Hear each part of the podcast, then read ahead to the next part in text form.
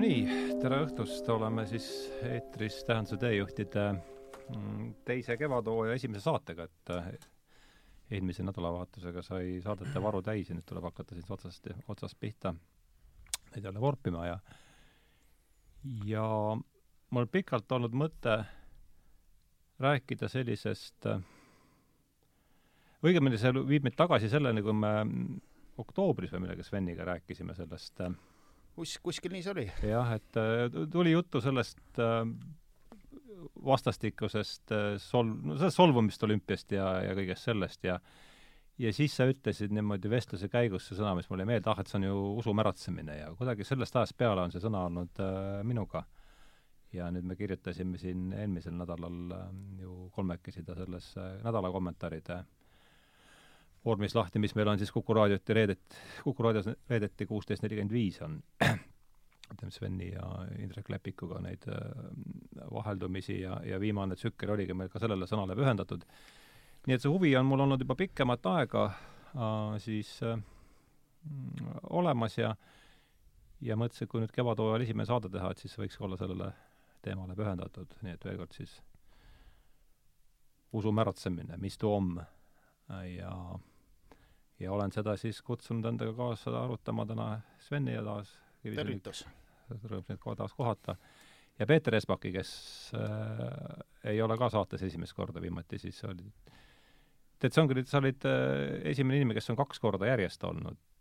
oli vist ei ole, üks saade oli siiski vahepeal ja, ja üks saade oli siiski vahepeal, et aga aga noh, see on sinu teema ja, ja paljuski, et äh, et hakkab, laseme sellise vaba teadvuse voolu meetodile käima, et ütle sa kõigepealt äh, äh, kuivõrd te olete mõlemad saates olnud, siis sellise tutvustamise peale ei hakka enam aega kulutama, et äh, mis mõtted sul tulevad selle sõnaga pähe eelkõige? sõnaga usumäratsemine. usumäratsemine, jah no sõna usumäratsemine on loomulikult kena, aga väga täppi minev rahvalik sõna. et teadusliku terminina teda nüüd äh, kasutama ei hakkaks, aga aga et võib-olla aga kui sa mõtled, mis on siis, jah, see on selge, see on see äh, rahvalik sõna ja sellest on ta niisugune mah- no,, maht tuleb sealt, aga mis sa sellise teaduse fa-, fa-, fanatism võib väljenduda või märatsemine kõikvõimalikes, kõikvõimalikes situatsioonides, et äh, me, me võime väga paljud va-, vanast ajast peale võib-olla erinevad apokalüptilised äh, maailma lõppu ja uue ajastu saabumist ootavad juba Lähis-Ida usulised liikumised võib-olla võiks kategoriseerida siis usumäratsejateks.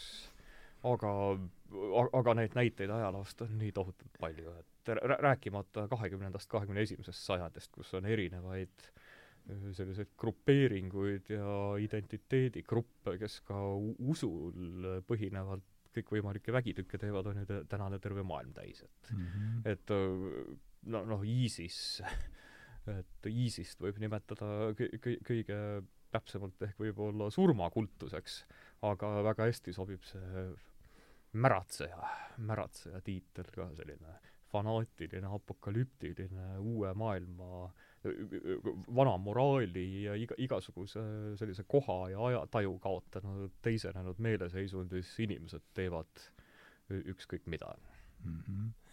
nii et sina siis teadlasena, teoloogina esimesed sellised äh, kiretumad teaduslikud terminid, mis sul selle usumäratsemisega haakuvad, on fanatism, apokalüpsis? jah, nimetaks võib-olla jah, selliseid apokalüptilisi maailma lõppu äh, ja uue ajastu saabumist äh, uskuvaid ja ootavaid inimesi, kes on te,, tekib teatud, e-, eriti grupitundega, äh, vahel võib ka inimene tänapäeval, noh, nagu me Breivikust või, või paljudest näinud oleme, et mõni inimene võib ka ise üksinda peaaegu. äh, kaotada igasuguse reaalsuse taju, aga et eriti lihtsalt juhtub see siis, kui inimesed on koos ühes ideoloogilises grupis, siis nad veel hakkavad üksteise neid tundeid võimendama, üks kiidab teist ja teine kolmandat ja siis neil tekib veel grupitaju ja tekib selline kollektiivne päris või reaalsest, noh, kuigi ega me ei tea ju, mis see päris maailm on, et see on see, see, see, seda, sellest võib kutsuda mõne teoreetilise füüsiku rääkima, aga aga totaalne irdumine sellest ütleme, päriselt olemasolevast me peame tunnistama, et maailm on olemas. et kuigi me ei tea, mis ta on, aga me ei saa öelda, et see olemas on, aga kui tekib selle ta-, tavamõistusest nii kaugele eemaldumine, et sa elad ainult mingites kujundites, see on teadvuse teisenenud seisund tõenäoliselt, mingisugune, et sa elad mingisuguses paralleelreaalsuses ja oled kaotanud sideme igasuguse sind varem sidunud arusaamaga heast ja õigest või õigest ja valest, no labaselt võime seda moraaliks kutsuda. moraal ei ole tegelikult ilus sõna, veel koledam sõna on eetika loomulikult, aga aga et irdumine sellest, et sa ei tee seda, mida ühiskond õigeks ei pea, no see, see, sinna läheb nii valetamine, varastamine, tapmine, no põhimõtteliselt õi-, õilsa eesmärgiga. jaa, ühesõnaga õil, õilis eesmärk, no ütleme siis islamiterroristil see on noh, uude reaalsusesse või paradiisi, kes teab, mida nad täpselt, erinevad voolud usuvad selle uude, uude ajastusse või uude moraali jõudmise nimel ollakse kõikidest moraalsetest piirangutest nõus vabanema, sest see uus on niivõrd, seda peetakse moraalselt niivõrd ülimaks mm., et põhimõtteliselt vana hävitamine on, õigustab, see, see kuri, mis tehakse vana hävitamise käigus, õigustab seda see, see on selle läbi õigustatud, et seda tehakse uue ja parema ajastu saabumise nimel, me näeme täpselt, Nietzsche'l on, see on hästi Nietzschelik idee tegelikult sellisest uuest uuest moraalist ja vanast mandunud moraalist, aga et me näeme seda eriti vasakkommunistlike liikumiste puhul alati sellist uut õndsust lubavad poliitilised liikumised muutuvad väga tihti apokalüptilisteks.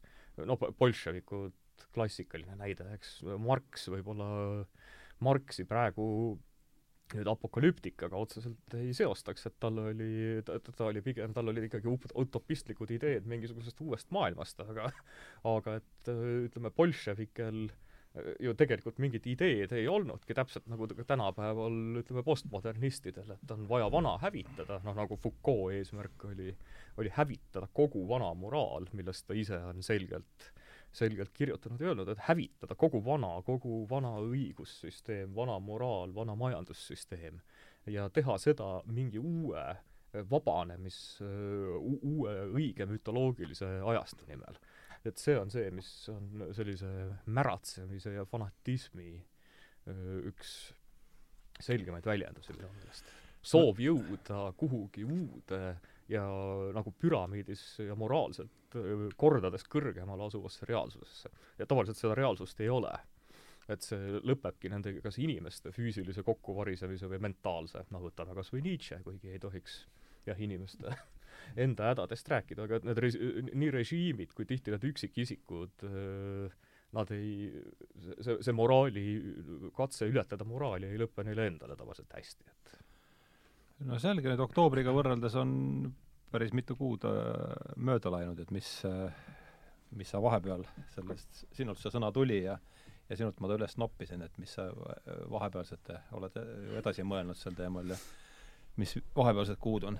No ma üritan, üritan ikkagi usumäratsejatelt õppida ja, ja, ja vältida mõtlemist. et olla sellisel seisukohal, et õiged seisukohad on juba välja töötatud või kõrgemalt poolt antud tavaliselt ja mõelda ei ole midagi, nüüd tuleb teostada, tuleb ära teha asjad ja, ja ma arvan, et see annab jõudu inimesele, kui ta ei kahtle, kui ta ei mõtle, noh, mõtlemine on ikkagi väga energiamahukas asi et eh, see, kui inimesed vabastada mõtlemise kohustusest või vajadusest mõelda, see annab neile energiat ja mm. selle energia saab ära kasutada. mul tuli bussis eh, täna meelde üks lugu, noh, sellise usu, usu märatsemise või, või sektantluse, noh, päris kurb näide. kunagi töötasin kuskil kümme aastat tagasi reklaamis ja tuli kolleeg, et kuule, sina tuled ajakirjanik, et õudne jama, et sõbranna poeg on sektantide küüsi langenud. et eh, kas saaks kuidagi aidata põhimõtteliselt nad on politseis käinud, politsei ütleb jah, me teame, on selline sekt, aga noh, midagi teha ei saa, aga mis siis oli? noh, tegemist oli ühe poisiga, kes oli umbes gümnaasiumiealine, tavaline Eesti poiss. tänaval tulevad juurde mingisugused inimesed, hakkavad mesijuttu rääkima, sa oled välja valitu, sa oled eriliselt andekas, Jumala poolt seatud kõrge isik, et meil on Venemaal üks ülikool, tuled sinna meile õppejõuks, saad kullast mobiiltelefoni, džiibi, palka ma ei tea, mitu tuhat dollarit, no ühesõnaga maapealne paradiis, noh, lihtne Eesti poiss ja räägitakse sellist juttu, sa oled nüüd noh, niisugune üks, üks, ma ei tea, no, Väl, välja valitud? no sõna otseses mõttes niisugune ülim olend. aga et enne seda on vaja nüüd natukene nagu lihvida seda ülimat annet, et istud siin väikses kapi moodi niisuguses kunkus ja vaatad meil videosid. et noh, siis, ja siis kohe kullased mobiiltelefonid, värgid. poiss tuli kodust ära, jäi sinna kunkusse neid videosid vaatama, neid kuidagi seal ilmselt vaadati, noh, ma ei tea, kas päevade kaupa või nädalate kaupa, ühesõnaga see oli mingisugune päris nagu normaalne ajupesusüsteem. ja see ajupesu tavaliselt siis pidi lõppema niimoodi, et politsei ka teadis, et nad kirjutavad alla mingi lepingu, lähevad kuskile Venemaale tööle. Aga kui see protseduur on nendega lõpetatud mis aasta umbes oli? no umbes kuskil äh, kümme aastat tagasi. Äh, et siis nad äh, lähevad Venemaale, aga nad ei lähe enam õppejõududeks ja nad ei tahagi õppejõuks minna, neil on põhimõtteliselt noh, ükskõik, kui neile midagi öeldakse, nad teevad seda ja tavaliselt mingit kuskile kaevandusse tööle või, ja siis töötavad seal nii kaua, kuni kustuvad või ennast üles poovad mm.. aga noh, kui ütlesin loomarikutuse tasemel, et kui seal mõni kobedam noorem naisisik, mis sellega enne kaevandust võib seal kõike ette võtta, et noh, et sektid ju tavaliselt noh, Eestiski on olnud neid juhtumeid, kus saadetakse maalt välja mingisugune seksualistist kummaline idamaine mingisugune jutlustaja, et neid, neid asju juhtub, juhtub kogu aeg et ja põhimõtteliselt oli see, et poisi ajud olid nii ära pestud, et ta ei tahtnud, nad isegi leidsid selle koha üles, pere leidis ja tahtsid teda koju viia, vist viisidki, korra ta põgenes ära sinna tagasi, siis tema välja valitunud, tal on ees suur tulevik. ja, ja kuidagi nad ikkagi said ta kätte ja viisid ta kuskile psühhiaatrite kätte kuidagi mingit moodi teda nagu klaariti aga kerge see ei olnud aga, aga politsei ütles, et nad ei saa midagi teha, nad teavad, et inimesi seal niimoodi viiakse kolme kaupa Venemaale tööle, aga nad on täiskasvanud inimesed, nad kirjutavad töölepingu alla, mitte midagi ebaseaduslikku ei ole ei töölepingus ega Venemaale minemises ega ka mingis sektis nagu videote vaatamises, et nad ei saa, noh, nad, nad ei saa mitte midagi teha, isegi mingi lugu vist sellest ilmus, no võib-olla nii palju siis oli kasu, et noh, teised inimesed oskasid sellest nagu eemale hoida, aga kuhu ma tahtsin jutuga nagu nagu välja jõuda, on see, et noh, see üks asi, noh, kuidas need sektid nagu töötavad, on alati noh, lubatakse sulle mingit maad ja ilma kokku. no kas siis teises maailmas või juba selles, aga mingil kuidagi noh, see asi keerab ära. et noh, enam, enam ei ole noh, üldiselt need Ameerika sektid ju tegelevad ka, et mingi ilus tibi tuleb kuskil, noh, kui sa oled kuskil rannapiirkonnas, noor kutt kuskil, noh, lähed, kutsutakse, tulge peole poisid, meil on noh, kaks ilusat tüdrukut tulevad, näiteks kaks poissi jalutavad kuskil rannas, lähme õhtul peole, meil on seal pidu, nii tore, kõik vaatavad, ongi tore, pidu, minnakse esimesele peole ja ongi pidu ja kõik lahedad inimesed räägivad, meil on siin üks ilgelt lahe tüüp. see tüüpi täna ei ole, aga ta tuleb järgmisele peole, tulge meile järgmisele peole. ja siis see asi hakkab. et kas sind saadakse sinna kuidagi mingi seksihuviga, ahnusega, taimetoiduga, no ükskõik, tervise mingisuguste imeravidega, noh, ükskõik, mis on see konks, millega sind nagu juurde meelitakse, konks on tavaliselt väga ilus, vajalik. noh, ikka võib-olla, võib-olla mingisugused alternatiivravid ongi toredad ja võib-olla mingisugune juurikate söömine, no tegelikult noh, ei ole ka kõige halvem asi, kui mõõtu pidada. aga, aga see ei lõppe sellega. see ei ole üldse, kaugemad eesmärgid on teha mingeid bioroboteid ja panna nad tööle enda heaks. ja, ja sageli on seal taga veel mingisugused mulle heldub see sekti juhtum, kus Jaapanis oli see üks paks, paks sektijuht lõppes mingi metroo gaasitamisega. metroo gaasitamisega, just nimelt, et seal ju ka ikkagi olid need mingid dokk-kaadrid, kus seal mingi templi hoovi peal koperdasid mingid nagu poolemeelsed, kellel olid mingid kiivri moodi asjad peas ja juhtmed lohisesid taga, et noh, mis katseid nendega seal tehti või mis nende ajuga seal nagu noh, et et seal sageli pidi olema ka mingite noh, et need on nagu luure, luureorganisatsioonide nagu niisugused platsdarmid, kus katsetatakse noh, reaalselt igasuguseid aju pehmendamise ja aju kontrollimise vahendeid. et tõenäoliselt see kunst on tänapäeval päris kaugele arenenud. ja noh, veel kui inimene on kuidagi vastuvõtlik ja, ja siis on veel võib-olla seal eriti hea ka, noh, siis läheb veel teise linna või noh, nagu mäletame, see seitsmekümnendate kõige suurem surmasekt, see, kus üheksasada inimest ja, ennast ära ja, tappis ja, seal, see jah, jah, Jonesi see People's Temple või, või mis see oli, et see ju noh, ka veel kuskile džunglisse eemale, noh, eraldatusse omaette. jah, jah, midagi sellist. et, et, et sageli see ei ole ainult nagu see inimese nagu ajunõrkus või no selge see, et ühiskonnas on probleeme ja inimene on ka selline poolvigane, ei ole mingi täiuslik olend, et sellest saab nagu igaüks aru ja siis, kui sa hakkad selle probleemiga tegelema, sa langed kuskile lõksu või, või sind kasutatakse ära ja noh, siis sa oled kuskil kaevanduses lõpuks või, või jumal teab kus või, või lihtsalt mingi tolgus, täidad käske ja, ja, ja oled nagu all-, allutatud. et, et see on tegelikult see, mida ma näen ka tänases ühiskonnas, et terve see ühiskond on muutumas sektiks mm. -hmm. ja need sektandid on ühiskonnas võtmepositsioonidel, noh, meedias, hariduses, kultuuris, ja see on kaunis jube see on kaunis jube, selline ühiskonna niisuguse muutumine mingisuguseks veidraks sektiks ja ilmselgelt, et seal taga ei ole midagi muud kui ikkagi soov inimesi allutada. et klassikalised või sellised pehmemad meetodid ei tööta, et siis on tarvis minna ikka sellise nagu jõulisema ajupesu peale. ja no, see, see, see, see, olen täiesti nõus, et selline ja see ei puuduta Eesti on ammu ei ole enam niimoodi, et meile jõuavad väga suure hilinemisega asjad mhm. kohale, et nüüd mõni võib varem isegi jõuda, aga et sa vist ise ütlesid, et mingi nelja-aastase hilinemisega no,. ma paneks juba jah, kolme-neljaga. et praegu. see, see vahe kogu aeg väheneb, et iga kord, kui, kui e, noh, hetkel me, me oleme rohkem avatud läänele, et iga kord, kui kuskilt läänest, olgu see siis USA-st või või, või Stockholmist või Pariisist või Londonist mingi lollus tehakse, siis see jõuab Eestisse kohale ülimalt või võib-olla isegi hea, et ta kiiremini jõuab, sest ega me kahekümne aasta pärast sellist jama ei tahaks tõenäoliselt, et las ta, las ta käia siit kiiresti üle, aga et see, olen täiesti nõus, et no, no, nagu sa ka mainisid, et olgu see siis ajakirjandus või, või haridus, et me näeme sellist, kuidas öelda, sektide täiesti dialoogivõimetud oma, oma moraalses õiguses ja absoluutses moraalses õiguses ja absoluutses enda isiklikku ja omaenda ringkonna pühadusse uskuvas sellises elus olevaid ringkondi on meile tekkinud, tekkinud meeletu kogus. Ja, ja see on, see, ei ole, see ei ole mitte Eesti probleem, vaid see on kogu, kogu lääne tsivilisatsiooni probleem, rääkimata muidugi näiteks Lähis-Idast, kus selline umbes samasugust ideoloogiat omav üks sekt hakkas ka, hakkas ka vägi vallatsema, et Euroopas ei ole Euroopas meil ja, ja lääne tsivilisatsioonis meil käivad võitlused üldiselt sõnaliselt kuigi tihti, tihti tänapäeval lähevad, lähevad sõnalised vaidlused üle ka selleks, et eri institutsioonides otsustatakse, otsustatakse, nagu öeldakse, kaadreid vastavalt sellele, millisesse sekti mm. sa parasjagu kuulud, et aga et noh, loomulikult kui rääkida sellisest ideoloogilisest märatsemisest, et me ei saa Euroopat võrrelda, võrrelda Lähis-Ida või, või muude maailma piirkondadega, et meil meil siiski toimuvad äh, sellised arutelud raadiosaadetes ja vabalt, et mm, -hmm. et meid äh, uksest välja astudes ei ohusta ei ohusta ükski, ükski pommiplahvatus.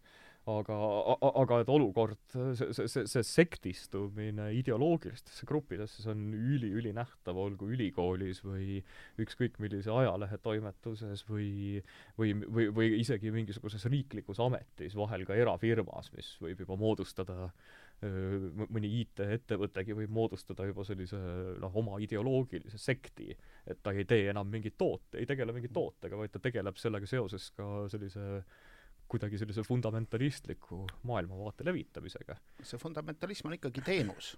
see on ikkagi teenus, see ei ole toode, aga, aga, aga see on teenus mm. -hmm. ja kellelgi on seda teenust vaja ja keegi maksab selle teenuse eest. ma, ma küll ei kujuta ette, et see kõik nüüd põhineb puhtal entusiasmil mina usun alati sii-, inimeste siirasse lollusesse.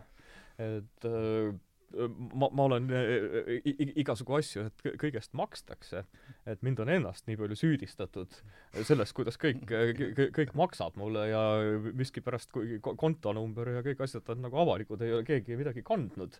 et mina usun palju rohkem, noh lo-, loomulikult on igasugu selliseid ideoloogilisi ütleme, ütleme, konsortsiume, mis tegelevad ka oma, oma maailmavaadete levitamisega, et mina usun äh, ikkagi inimese, nii indiviidi nagu kollektiivselt üüratu lolluse olemasolusse. Äh, ja vahel asjad juhtuvad, juhtuvad lihtsalt mingisuguste kultuuriliste lainete mõjul, et no, ma, üldiselt ma,, üldiselt see ongi nii, et äh, suurem osa inimesi on väga rumalad ja teevad seda rumalust lihtsalt sellepärast, et need, kes on nagu seal kõrgemal ja tähtsamal positsioonil, teevad seda. ja, ja sulle piisab sellest, et sa ostad ära ülemise otsa ja see alumine mm. ots lohiseb lollusest, mingi, või mingisugusest muust niisugusest äh, meeleseisundi mingisugusest äh, veidrusest nagu järgi, aga selles ma olen kindel, et ikkagi ülemine ots timmitakse paika. et see mao pea tuleb pöörata ikka sinna kas siis päikse või soo või metsa poole, siis see saba ja, ja keha ja need lohisevad nagu ise järgi et ma arvan, et see käib ikkagi niimoodi, et sul piisab ära osta kaks tuhat Eesti riigi ministeeriumi ametnikku, kõrgete Euroopa ametikohtadega ja sul on ikka üks väike riigike Euroopa Liidus juures. et see käib niimoodi. no selles suhtes mul, rääkides nüüd muidugi riigiametnikest ja ka poliitikutest, et kunagi, kui juba ütleme, noor orientalist olin, küll veel mitte doktorikraadiga, juba, juba teaduses natukene tegev, et siis noh, orientalistid mõistsid üleüldiselt näiteks George Bushi Iraagi ründamise hukka, samal mhm. ajal äh, muidugi tunnu-, tunnistades, et Saddam Hussein oli üks erakordselt jõle inimene, aga lihtsalt tolleaegsed sammud olid väga valed ja absurdsed. täiesti noh, täpselt usufanaatiku ehk siis äh, Bushi poolt ette võetud ja me isekeskis naersime, et kuivõrd halvustavalt suhtusid äh, teatud ametnikud ja poliitikud meie seisukohtadesse, et me seletasime, et Iraagi vallutamine ei käi niimoodi, et sinna läheb sada tuhat meest ja siis tuleb rahu ja et seal noh, see, see oli ette teada, et seal läheb suuremamahuliseks hävinguks. ja selline Eesti truu alamliku ametnikkonna ja, ja ka poliitikkonna selline vastuvõtt meie seisukohtadele oli üpris naljakas, ma ise naersin kusjuures ja ütlesin, et tuleb mingi uus president, mõistab Bushi hukka ja siis nad hakkavad seda uut presidenti toetama ja nad viie või kuue aasta pärast isegi ei mäleta, kuidas nad kunagi nagu Bushi toetasid, et mina Eestis näen kõige rohkem, olgu need poliitikud või tihti riigiametnikud või ka neist sõltuvad eraettevõtjad väga liigutakse ideoloogiliselt sinna suunda, mida arvatakse, et see võib olla kas sinu, olgu see siis ametipositsioonile, palgale või millelegi kasulik. et Eesti suurim viga on truu alamlik koondumine ja koondumine mingisuguse ideoloogia ümber ja see ideoloogia võib viie-kuue aasta pärast vahelduda. Need inimesed, nad ei mõtle mingi, mingite ideaalide peale, inimese põhivajadus on see, et ta tahab palka saada noh, jätab noh, partnerit sulle tõenäoliselt riik või ülemus ei leia, aga noh, üt-, ütleme, süüa ja eluaset ja, ja tunnustust, et seda on, seda aga, on näha. aga head nõu, millist partnerit, mis tüüpi partnerit otsida, seda kindlasti antakse ja mitte vähe. seda antakse ka. aga, aga, aga nõu, nõuga on ikka abiks. aga, aga vä-, väga konkreetselt Eesti puhul või, võib-olla see tuleneb sisse õpitud alandlikkusest kunagi sakslaste ees, aga aga seda isemõtlemist on ka kõige kõrgematel Eesti riigiametnikel erakordselt vähe ja seda võiks, ütleme, võimet analüüsida maailma ja mitte minna kaasa iga ideoloogilise vooluga, vaid jääda iseendaks, seda võiks olla, olla märgatavalt rohkem. aga et ma ei näe siin, ma ei näe siin nüüd mingit suunavat kätt, vaid ma näen pigem sellist ütleme, inimliku rumaluse koondumist väga palju. no üks sõna, mis minul selle usumäratsemise ja apokalüpsis ja fanatism on siit läbi käinud, üks eh, sõna, mis mul on järjest enam viimasel ajal pakkunud huvi, ka oma viimases vestluses Ahtaga üritasin seda üles tõsta, see on millenarism. kas, mis, eh, kas kas ta teil tekitab, tekitab ta teis mingit vastukaja või Peeter, mis sa sellest mõistest on ta sulle tuttav mõiste no,? põhi, põhimõtteliselt see tähendab siis äh,, arvatakse, et mingil ajastul saabub lõpp ja nojah, põhimõtteliselt on väga, väga ja... selgelt selle apokalüpsisega seotud, et see on no see on ütleme, esimesel sajandil arvasid juudid niimoodi ja no te tegelikult selline apokalüpsis on alguse saanud Pärsiast, Zoroastri-, Zoroastrism tõenäoliselt oli üldse esimene monoteistlik usund. keegi ei tea, millal ta tekkis, noh, pakume huupi mingi seitse-kuussada enne Kristust, mõned arvavad tuhat kakssada enne mm -hmm. Kristust, aga see on ebatõenäoline, et et see, millal Zoroastergi elas, ei tea, aga et see ütleme, hea ja kurja ja õige ja vale absoluutne vastandus, millega kaasneb ka ütleme, praeguse maailma lõpul siis Zoroastrismi eri, Zoroastrismis on palju eri voolusid, aga et ühes neist on, toimub teatud hulga aastate järel toimub apokalüptiline lahing headuse ja kurjuse jõudude vahel, headus on muidugi määratud võitma, aga et selles ajalises maailmas põhimõtteliselt me võime siis öelda, et inimene on vaba oma otsustes ja ta võib valida nii headuse kui kurjuse, aga et noh, ette on juba teada, et lõpuks see headus võidab ja tuleb siis uus õigluse ja headuse ajastu, kus siis hea ja, ja, ja headust ja tarkust kajastav looja jumalus Ahura Mazda siis Pärsias saab võimule, et see on põhimõtteliselt, see on sama sümboolika, mis kristluses mm.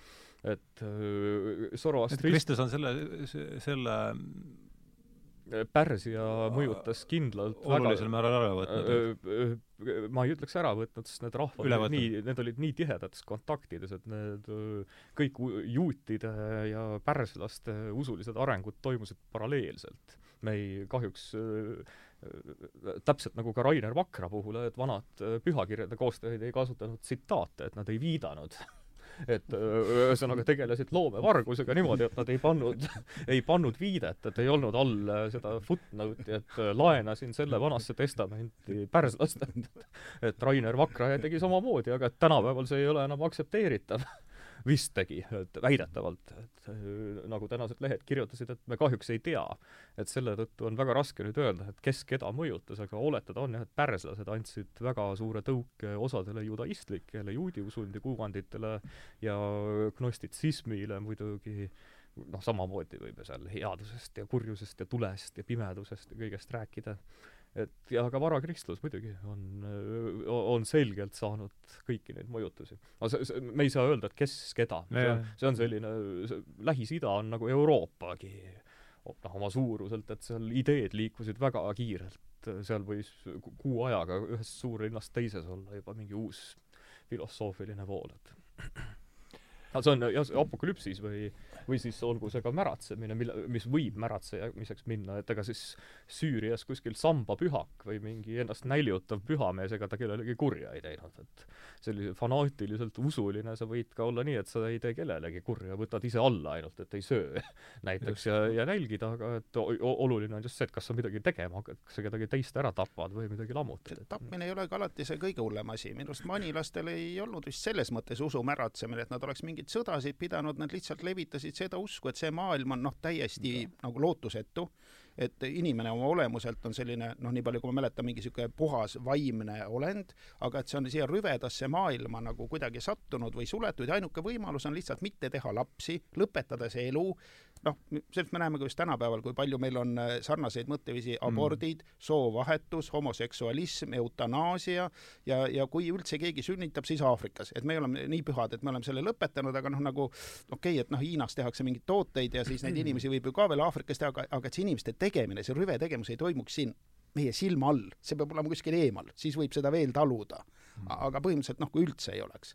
et, et see on ka ju väga ohtlik minu arust ega manilastel ka hästi ei läinud, et valitsejad ei talunud sellist nagu mõtteviisi, kuigi nad kellelegi kaikaga pähe ei, ei löönud. aga, aga siin, siin tasub mainida, et need tänapäevased, me mõtleme siis seda, olgu või need feministid või räägime selle manilaste tausta võib-olla ka kuula-, kuulajatele lahti. et ma, ma lihtsalt tahtsingi mainida, et, et noh, liikumised, mis loobuvad nagu tänapäevasest elust või või äh, mingi pühama eesmärgi nimel, et äh, see paralleel tegelikult oli, oli väga hea äh, nende tänastega, kes noh, näiteks naised või feministid ei taha lapsi, et see on ju nii kohutav, et valus on ja ja siis nad ühesõnaga see reostab ka roodust. ja, ja planeet, kes see oli, kas see oli Barbi Pilvre või kes see ütles, et loomadele rohkem ruumi jääks või või ma, ma ei mäleta, et kes need, Mikk Pärnitsad ja nad kõik on kogu aeg, avaldavad selliseid arusaamu, et see arusaam, et inimelu on põhimõtteliselt paha, me võime seda ju ka budismist leida, et ikkagi elu tekitab alati kannatust ja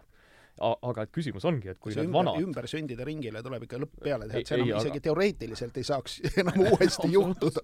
Et aga, et aga mis see vahe on, et vanad usumõtlejad, olgu alates Budast või et aga vaadake, millise meeletu kirjandus ja kunstipärandi nad maha jätsid. inimesed kaks tuhat kaks tuhat viissada aastat hiljem loevad, mida nende nagu maailmast taandumine endaga kaasa tõi.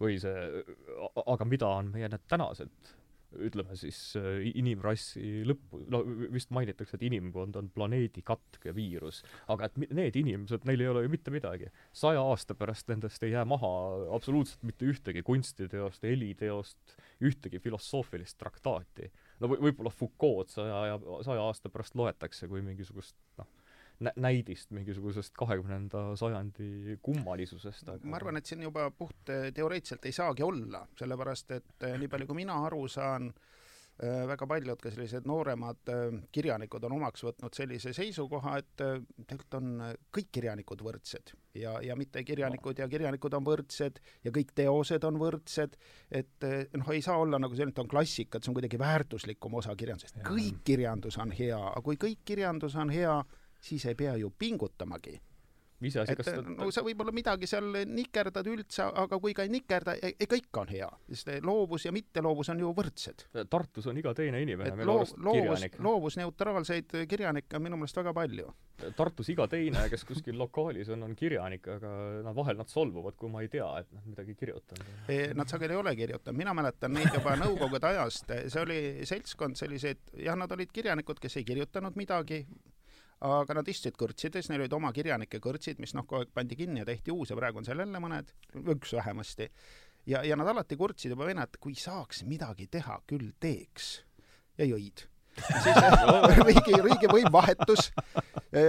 loomulikult nad jõid edasi ja kurtsid täpselt samamoodi, kui saaks midagi teha ja sõimasid neid, kes midagi tegid, sest need olid värdjad, normaalsed inimesed ju ainult. tuttav, tuttav tunne. jah, et minu meelest see on, see on liikkirjanik jah, ma arvan ka muudel aladel. aga et üks hullem kategooria on veel need, kes kirjutavad ka, sellepärast nad hävitavad metsi sellega, et need on raamatud, mida ei loe mitte keegi ja välja arvatud nende enda paar sõpra, aga mõtelge, milline kahju planeedile sellest on, et nende viiesaja viimases tiraažis kogu see. ei no ütleme, kui sa oled so-, äh, kirjutav kirjanik, sa ikkagi solvad neid kirjanikke, kes ei kirjuta noh, see on oma tegevusega, sellise noh, siis rõveda kirjutava tegevusega, mis on tea, teaduses on sama asi, et väga paljud inimesed on pahad, et noh, eks pahased, et ma, ma, ma, eks ma olen ka paar projekti saanud ja noh, päris palju kirjutanud, et ega see, kõik sellele ka hästi ei vaata aga ma arvan, et kas me siin olemegi järsku ühele sellisele asja tuumale lähele, me läheme siin üldisemalt või vabandust, üksikult üldisele, et see, millele Sven siin tähelepanu juhtis, minu arust see on see võib-olla siin see üks alusprobleem, et no võtame konkreetselt kirjanike puhul, et on,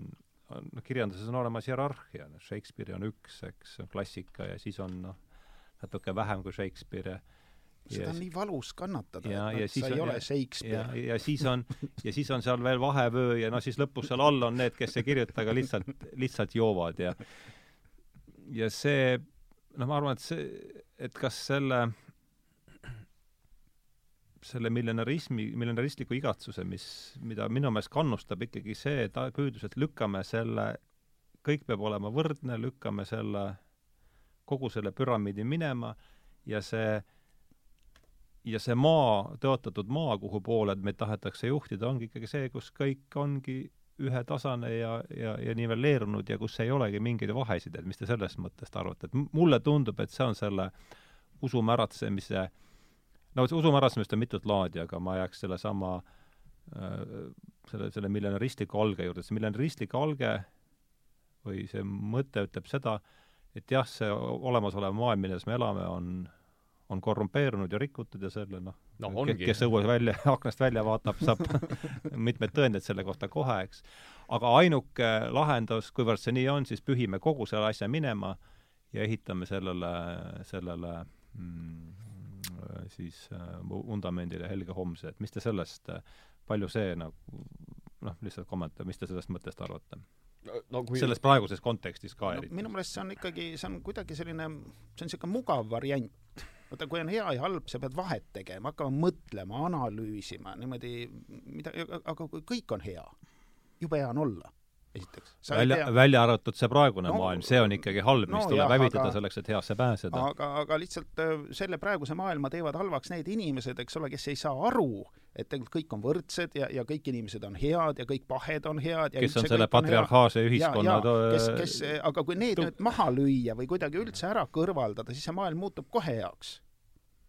ja teha metsale rohkem ruumi ja loomadele ja ja armas põissa saab rahu, rahus et, äh, metsas kalpsata ringi, ilma et kuri jahib. et äh, tegelikult see on, see on ähm, noh, just inimesed püüavad nagu elu teha mugavaks ikkagi, et noh, köögimasinad ja kõik see teevad mugavaks, aga ikka mõtlemise, mõtlemise mugavaks tegemise masinat ikkagi ei ole olnud, isegi noh, arvuti võib sul ju olla ja tuua sulle lihtsalt informatsiooni nagu kohale ja, ja salvestada seda palju, aga, aga see on veel ebamugavam, sul on ju veel rohkem informatsiooni, et et minu arust inimesed püüavad seda informatsiooni nagu üldse nagu noh, ma ei tea, vältida või või, või, või sellega, selle töötlemist vältida. et teha see peavalu nagu väiksemaks, see on nagu kirjutamisega, et noh, kui sa oled kirjanik ja ei kirjuta, sul on nagu paha, sest sa ei tee midagi ja mõni vaatab nagu halva pilguga. kui sa kirjutad, siis sa teed ju tööd ja pingutad ja sul on paha. seal ei olegi nagu head varianti. et see hea variant on ikkagi see, et noh, keegi ei pinguta, siis on ka need, kes ei pinguta, noh, on nagu võrdsed teistega et ei, ei saa panna kõiki pingutama ja kõigi pingutus ei saa olla võrdselt viljakas, isegi kui sa nad kõik pingutama paned. aga seda on teoreetiliselt võimalik ette kujutada, et noh, keegi ei pinguta, et kõigil on mõnus olla, ilma igasuguse kirjanduse või, või filosoofia või kunsti või, või, või loogikata, et noh, keerulised asjad, iga asi on pingutus, iga tulemuse jaoks on pingutust vaja, ta tahaks niisama, tahaks, et lihtsalt oleks tore, tahaks juua. see on sotsial-, sotsialism jah, ja sotsialismi ajal joodi väga palju, ma mäletan, inimesed istusid tellingutel, Rakveres ehitati kino kümme aastat kümme aastat ehitati kino, kus ei ole mingit, seal ei ole mingit keerulist vabriku sisseseadet, seal on toolid ja see projektor, seal ei olegi kassaluuk on seinas, mida seal ehitada oli kümme aastat. aa, see oli see Ilo, Ilo kino. ja, ja mehed istusid tellingutel ja jõid kümme aastat ja nii toimuski, igat asja tehti ju, ma ei tea, viis või kümme aastat, mis tänapäeval on ka kuudega tehakse valmis. aga et see ongi ju vastava me-, me-, meelelaadiga inimese paradiis ongi selline. aga et tulles nüüd tagasi sinna ütleme, akop-, apokalüptika juurde, et korraks kindlasti no see, see on ammu teada fakt, et ütleme, esimesel sajandil ju kõik äh, kristlased äh, olid täiesti veendunud, et Jeesus üpris kohe tuleb Just, tagasi. see oli selle asja nagu noh, see oli noh, eks õp õpetaja surm kindlasti mõjus traumeerivalt ja eeldati, et ta üpris ruttu tuleb, et ta natukene ära valmistab siis oma selle rahva ette ja siis ta tuleb tagasi sellise trium-, tõenäoliselt triumfeeriva sellise vihase kuningana ja noh, tõenäoliselt hävitab ka roomlased ära ja, ja algab mingisugune uus uus siis äh, õndsuse ajastu. et selline ja, ja siis ühel hetkel nagu ei tulnud. ja noh, nat-, natukene tuli, tuli see, tuli see õpetus äh, apokalüptikalt hoopis millelegi muule viia, noh, eks ta keskajal ju keskenduski igapäevaelule ja moraalile ja noh, vahelduva eduga aga ikkagi noh, keskajaks juba sellisele teoloogilisele arutelule. aga et needsamad tunded, ütleme apokalüptilised tunded on ju tänapäevaste fanaatiliste sektide kas või äärmus, äärmusvasakpoolsete puhul. Nad noh, mis meie äärmusvasakpoolsed väljaandedki Sirp ja Müürileht, et lugege neid artikleid, seal on kogu aeg on, neid ei, neil ei jõua, isegi autorite nimed ei tule ka enam meelde. et seal põhiasi on see, et on mingi kuri neoliberalism, no noh, Peeter Koppel vist ütles, et kui keegi kasutab terminit neoliberalism, et siis ei ole mõtet edasi lugeda teksti, et ta ei saa majandusest midagi aru. aga et põhimõtteliselt nagu oleks hetkel kuri neoliberalism ja kapitalism ja see on vananenud. et see on kokkukukkumise ääre peal ja siis öö, ollakse nagu just praegu on see piir vot see on alati, varakristluses on samamoodi. sinna ma tahan jah, selle jutuga nüüd jõuda. varakristluses ja tõenäoliselt islamis ja igal pool, ISISel, ma arvan, nende ütleme, fanaatilistel liidritel oli samamoodi, et nüüd natukene sõdime veel ja siis tuleb keegi, kes iganes tagasi. aga et prä-, tänapäeva vasakpoolsed ju, neil on ju täpselt samasugune arusaam, nad arvavad, et kapitalism on kriisis, kuigi te, me kõik teame, et kapitalismil pole tõenäoliselt mitte kunagi nii, meil on näljahäda on maailmas likvideeritud, põhimõtteliselt kui kuskil on mingi rahvas näljas, siis ÜRO lennuk viskab neile langevarjudega riisi või midagi. et meil me,, meil ei sure keegi nälga enam, isegi kõige vaesemates riikides. et kapitalism ei ole tõenäoliselt mitte kunagi varem olnud niivõrd edukas kui praegu selle võrra, et ta garanteerib kõikidele inimestele pikema elu ja laste väiksema suremuse, noh, mis on omakorda jälle probleem, eks. aga aga et, aga et nüüd järsku on tekkinud siis meie sellise logeleva või noh, võltskultuurnikute seas, see on üle Euroopa niimoodi, levib ka ülikoolides sellistel sotsiaalaladel väga palju selline arusaam, et nüüd on see joon, nüüd on see ajajoon, kus kapitalism on ennast ammendanud, see kogu see kõik variseb kokku ja meil on vaja meil on vaja uut ühiskonnakorraldust, keegi kasutab mingi jagamismajandus ja, ja siis on mingi uus suhtevorm olevat polüamoorsus. see on see, et on jagamise, et sa, sa ei saa kedagi, sa ei saa oma partnerit omada vaid see iga inimene võib läbi käia siis suguliselt parasjagu sellega, kellele ta noh, parasjagu meeldib, et keegi ei saa nõuda truudust ja nii edasi. no sedasama Madame Kollontai tahtis ju sisse seada. kuni, kuni selle, varane kommunism, Madame Kollontai adamiidid olid ju ka seal äh, reformatsioon, ütleme, varasel reformatsioon, Tšehhi reformatsiooni ajal oli adami-, adamiitide sekt ajas umbes samasugust juttu, et äh, absoluutselt. et see, et ikkagis need need asjad, mida me praegu siin mulle tundub läbi mängime, et need on seal Kristuse rüppes ammu-ammu, ammu-ammu läbi mängitud, nendes sekti, need, neid sekte, mida me võime näha siin läbi ajaloo, need on lihtsalt omandanud siin selles käesolevas kultuuritekstis äh, uue, uue kuju ja kuivõrd nad ajavad sellist sekulaarset, sekulaarset juttu, siis me lihtsalt ei tunne neid ära, aga tegelikult on minu arvates tegemist täpselt sama no, kommunistidel olid ka ju oma punanurgad ikooni-nurga asemel, ristikäigu asemel demonstratsioonid ja paraadid. muumi no, oli ka. ja püha pühakute asemel olid noh, need revolutsiooni ja sõjakangelased ja muud sellised tähtsad tegelased, et, et see on väga sarnane ja, ja mis minu juures nagu või mind paneb nagu alati imestama, on see, et kõik need, kes räägivad progressist ja sellest uuest ja kõik kasutavad neid väga vanu ürgseid nagu meetodeid, mis põhimõtteliselt no, peaks olema sisaliku ajus, noh, see sümbolism ja, ja rituaalid, et see on see aju ikkagi suhteliselt nagu niisugune varane alumine ots. et äh, ma ei tea, kui sa räägid progressist, sa võiks mingisuguse, ma ei tea, otsmiku sagarale rohkem rõhku panna, mitte sisaliku ajule, aga, aga mingit loogikat seal ei ole ja ma ei näe seda kuskil. ja, ja see, ei, see, see, see, see, on täpselt nagu sa ütlesidki, et see asja tuum siin ongi, et meie hetke vasakpoolsed äh, kahjuks ma pa-, meil on ka äärmus parempoolseid, aga neil puudub üldiselt konservatiivide äärmus on hästi mitmepalgeline. seal osad on mingid skinheadid, osad on katoliiklased, neil puudub igasugune selline ühtne maailmavaade või üks edendab kristlust, teine, noh, Ruuben Kaalep tundub, et on hoopis sellise mütoloogilise ja etnilise paganluse poole äh, suundumas, vist isegi EKRE puhul on vä-, väga erinevad, ütleme, konservatiivne tiib on hästi mitmepalgeline, seal on kümneid-kümneid eri suundumusi, aga et see vasakpool, mis läheb sinna äärmusesse, see on, kõik on üks. Inimesed söövad ühtesi asju, no viimasel ajal see on taimetoit tavaliselt. kõik räägivad mingisugusest polüamoorsusest, antikapitalismist, jagamismajandusest, kokkukukkuvast kapitalismist, kohe saabuvast uuest äh, maailma ajastust ja see, see kõik ongi, nagu sa ütlesid, see on läbi mängitud, lihtsalt me teame võib-olla esimese sajandi kohta pärast Kristust rohkem, aga küll selliseid stsenaariume on kogu aeg läbi mängitud, lihtsalt vanasti ei pandud tava selliseid ühiskondlikke asju kirja, võib-olla savitahvlitele ei tehtud nagu päevakroonikaid, et no üks Princeton ajaloolane Martin Maalja, tema on nüüd vist viisteist aastat surnud, kirjutas, vaatas üldse su suuri Euroopa revolutsioone alates seal viieteistkümnenda sajandi algusest ja see, mis jah, sealt nagu välja joonistab, ongi niisugune teatud selliste see millenaristlike sektide mitmekesisus, mis on alati, mis on alati suuremalt jaolt selle revolutsiooni vägivaldse, vägivaldse tiiva äh, nagu juhttoinad, kui me vaatame siin Böömi reformatsioonis, on nad taboriitide nime all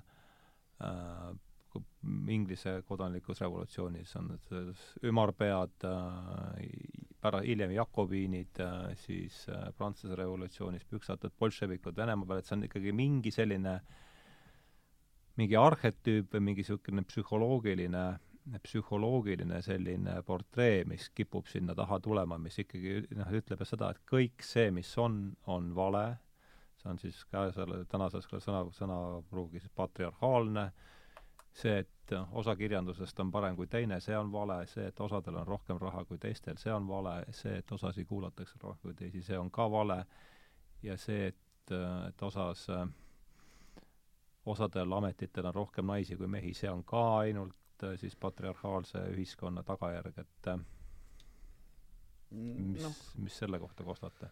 No mis sa selle kohta oskad öelda, et äh, noh, inimesed ei ole kunagi rahul sellega, et nende ideed ja maailm ei lähe kokku. noh, ideed on õiged, aga maailm ei ole samasugune, et maailm on vale. mitte mm. keegi ei mõtle selle peale, et ideed on valed. ideed on õiged, kuna sa ise oled välja valitu mm, -hmm. aeg on ajalooline ja küps mm, -hmm. ja see, mis tuleb, see peab tulema nagu sügis või talv või kevad noh, tegelikult ei peaks üldse pingutama, kui see revolutsioon niikuinii tuleb või see valgus just see on üldse, mida Marxi, mida, mis, mida kriitikud Marxi puhul välja, et, et mis see, mis te üldse rapsite oma selle, et see tuleb niikuinii, see kommunism. et selle nimel, aga ikkagi on tarvis kangesti märatseda, et tuleks öö. Ja öö läbi tuleb märatseda, et tuleks päev. Et aga umbes niimoodi see kõlab.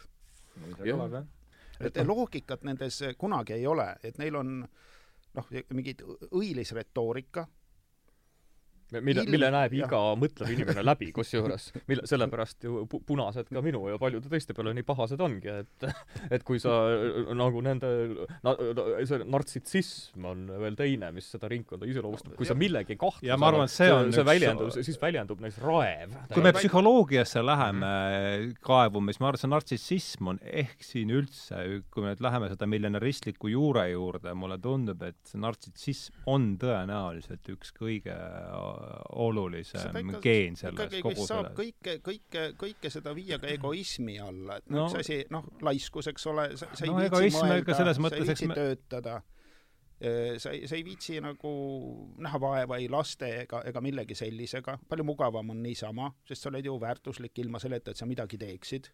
See on ju kindel, sest sa oled väljavalitu, hetk on ajalooline ja sinu ideed on õiged väljavalituse tunne, see on just nimelt, see on väga tähtis.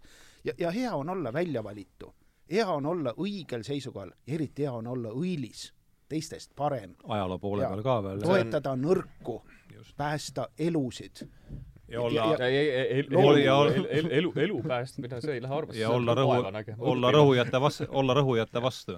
et äh, ärme, tähendab, antud seltskond ei tee mitte midagi, mis oleks praktiline või kasulik. Nad lihtsalt tahavad tunnetada, see ongi selline noh, nagu, nagu kõik nartsissismis saab alguse alaväärsuskompleksist, need inimesed tahavad tegelikult domineerida või neil on, neil on ülim viha, et nende olematut annet, noh, nad ise ei arva, et see olematu on, ei, et neil on vähe raha, et nende annet ei märgata, et nad ei ole seda saavutanud ja selline, ütleme, meeletu alaväärsus omakorda tingib ka vajaduse teisi inimesi rünnata ja neid solvata ja neile haiget teha.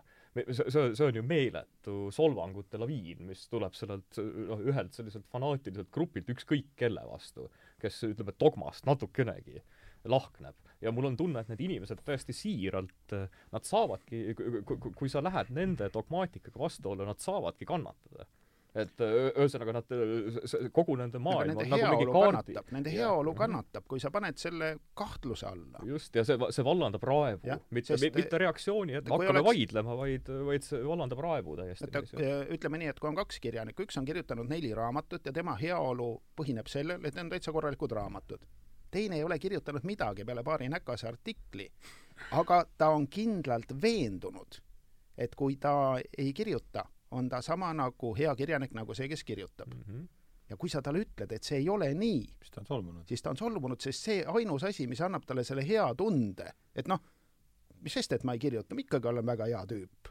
ja, ja tegelikult parem, sest need, kes kirjutavad, natuke lollakad, neil on hea olla, nad rapsivad seal midagi, kirjutavad, võtavad metsa maha, suruvad oma mingisuguseid ideid teistele inimestele peale, mis on julm, aga ma ei tee midagi ja, ja ma olen parem. ja see on ka veel see, et, et sa ei ole, sind ei peeta paremaks mitte seetõttu, et sa oledki parem, vaid et sa oled lihtsalt, see patriarhaalne ühiskond on tekitanud selle olukorra, kus sind peetakse minust paremaks, ma arvan, et seal on see no see patriarhaalne, see on, see, see on selline viimase aja see on see viimase aja lisandus ja see, selle Aga see on üle võetud, see on selle, see on täitsa üks-üheselt äh, meie leksikasse üle võetud. ja, ja seda no meil on ka toksiline maskuliinsus. See on kohe tulnud kohe, kohe mul ilmub, just. ilmub vist artikkel sellel teemal. mille poolest maskuliinsus on toksilisem kui kohupiim, jääb mulle arusaamatuks või femini-, või feminiinsus. aga, aga räägivad sellest tõsise näoga, tõsise näoga, sellepärast et kuskil on keegi kuulus näitleja on öelnud, et tema võitleb nüüd toksilise selle teise või kolmanda vastu ja selle teise või kolmanda asja eest. tavaliselt on ka loomade õigused. ja see, see, no ja veel noh, see, see ongi see, miks seda süsteemi võib nagu dogmaatikaks nimetada, et kui te vaatate, kuidas need inimesed arutlevad, nad ei too kunagi peaaegu näiteid päris elust. Nad alati ütlevad, et seal on mingi, tsiteeritakse mingi, no võtame suvalise nimi, Schmidt kirjutas ja ütles nii. Mhm. ja siis edasi tuleb see, et mingi John ütles seda. Ja nad lähevad nagu artiklilt artiklile, teoorialt teooriale. Ja see, see, see, kogu nende maa, maakera ongi, ta, on teoreetiline ja sellistes nagu skisofreenilistes kujundites üles ehitatud kaardimajaks, ta ei on- ole päriselt olemas. ta on luulusüsteem. luulusüsteem, luulusüsteem, jah. aga seda luulusüsteemi on ikkagi noh, nagu teda toetavad, see ei ole niimoodi, et inimene on lihtsalt nurgas haige ja kujutab ette, et naabrimees paneb talle elektriga mõtteid pähe. Ta loeb seda lehest, et naabrimeestel on elektriga toksilisi mõtteid pähe, ta on seda koolis õppinud, ta mm -hmm. loeb seda raamatutest, näeb seda filmidest. elekter on vähe keerulisem ainult. jah, no ükskõik jah, aga, aga ikkagi, et aga põhimõtteliselt on põhimõtteliselt, nii on. hullust nagu toetatakse, tema hullust toetatakse. patriarhaalne ühiskond ja, toodab seda ja, ja kes, kes ei toeta, need loomulikult on ju kurjad mm. -hmm. ja kui, ja nii see on ja, ja kui, kui sa oled vaimuhaige, kuidas sa saad aru, et sa oled vaimuhaige, kui tegelikult sinu õppejõud toetavad, jaa, sa oled küll Napoleon, oled, oled, nii. su kaastudengid on ja ka on ka Napoleonid? ja muidugi on Napoleonid ja sina oled Napoleon. vaatad mm. filmi, Napoleonid käivad mööda tänavaid ringi, eks ole. no, kuidas sa saad aru, et, et, et see, see, sul ongi raske aru saada, et sa elad luuludes sest mm. sinu luule toetatakse ja toidetakse ja võib-olla need luulud sellest tekivadki, et neid tekitatakse kui sul noh, natukenegi kaldumusi on, siis su luulu võimendatakse, nii et luu no, paistab. see tekibki fanaatilises või fundamentalistlikus grupis, sest sul on selline paarkümmend sõpra, no kirjanike puhul nad loevad üksteist, võib-olla. mina tavaliselt valetan, et ma olen lugenud, pole aega. aga et ühesõnaga nad, tõenäoliselt need inimesed üksteise mingeid teoseid loevad ja siis nad kõik kiidavad ja siis, ja siis neil tekib selline võltskujutelm, et nende ideed ongi lihtsalt nii head, sest minu viisteist sõpra on selle luulekogu või mingi asja läbi lugenud ja tekib selline pettekujutelm oma maailmas või oma suletud grupis elades, et see ongi nagu päris. kui, kui juba tahaks... kirjutatakse ja loetakse, on päris hästi. ma ütlen, et see ei ole alati nii no tavaliselt ei loe vahel sõbrad ka läbi neid asju, mis ilmuvad. ma tahaks siin tuua selle, see on sinuga enne saadet me saime natuke rääkida selle räägi paari sõnaga, mis see, mulle tundub, see Vimma uuringute teema sobib siia päris hästi, et kui me oleme siin pool, poole ajast võib-olla nüüd juba mööda saatnud mikrofonide taga, et et kuhu ma tahan jõuda, just seesama, mis, mis Sven siin rääkis, et kui sa, kui sulle selgitatakse, et, et sina oled Napoleon ja kõik su klassikaaslased on Napoleonid ja me siin kõik olemegi Napoleonid ja ja see kuri patriarhaalne ühiskond ei saa sellest aru, et me oleme Napoleonid ja taha, tahame head, et et aga et siis, et aga et võib-olla see ikkagi niimoodi ei ole, et kus on siis, kus on see ankur, mis siis ütleb, et kes, millega olukorda võrreldes me saaksime siis teada seda, et noh, kes siis on Napoleonid ja, ja kes ei ole Napoleonid. ja mulle tundub, et see vimauuringute teema mm,, Peeter, ma sulle kohe sõna valgustada natuke, mida see endast kujutas. ja, ja siis, et nemad osutasid tähelepanu just selle asja äh, sellele tunnetusteoreetilisele või epistemoloogi-, epistemoloogilisele vundamendile, et et põhimõtteliselt me oleme siin nüüd nii isekeskis nii ära killustunud selles sotsiaalmeedias, et me elamegi erinevates maailmades äh,, rääkides siin nüüd noh, tõejärgsusest ja et et kui me elame erinevates maailmades, siis noh, kõik elavadki tõejärgses maailmas, sest need maailmad lihtsalt ei kattu kattu enam ja, ja kuidas me, mis siin üldse väljapääsutee on, aga räägi ka võib-olla Peeter alguses sellest, et mis see, mida see Vimma uuringute afäär sa mõtled kujutas. seda grievance grievance studies, jah ja,?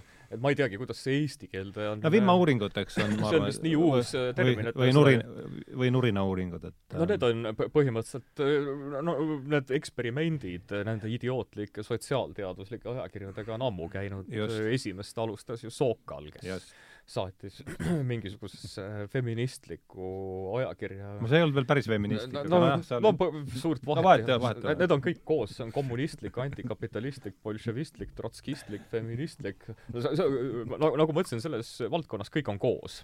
et seal on, kui sa oled üks, tavaliselt taimetoitlus, aga noh, mõni ei suuda kotletist loobuda, et vahel mõni sööb liha ka neist, aga aga et põ-, põ-, põhi, põhimõtteliselt Sokal juba vist oma eksperimendis ta, ta, ta viis seal tõenäosusteooria kokku mingi patriarhaadi või, või feminismiga ja, ja ühes, ühesõnaga, see on ju ammu teada, et igasugused naissoo-uuringud, noh, õnneks noh, küll varsti hakkab Eestis ka pihta, et meil ei ole ju soo-uuringute instituuti Tartu Ülikoolis ja, ja feminismi meil ei ole lihtsalt Soorose ülikooli.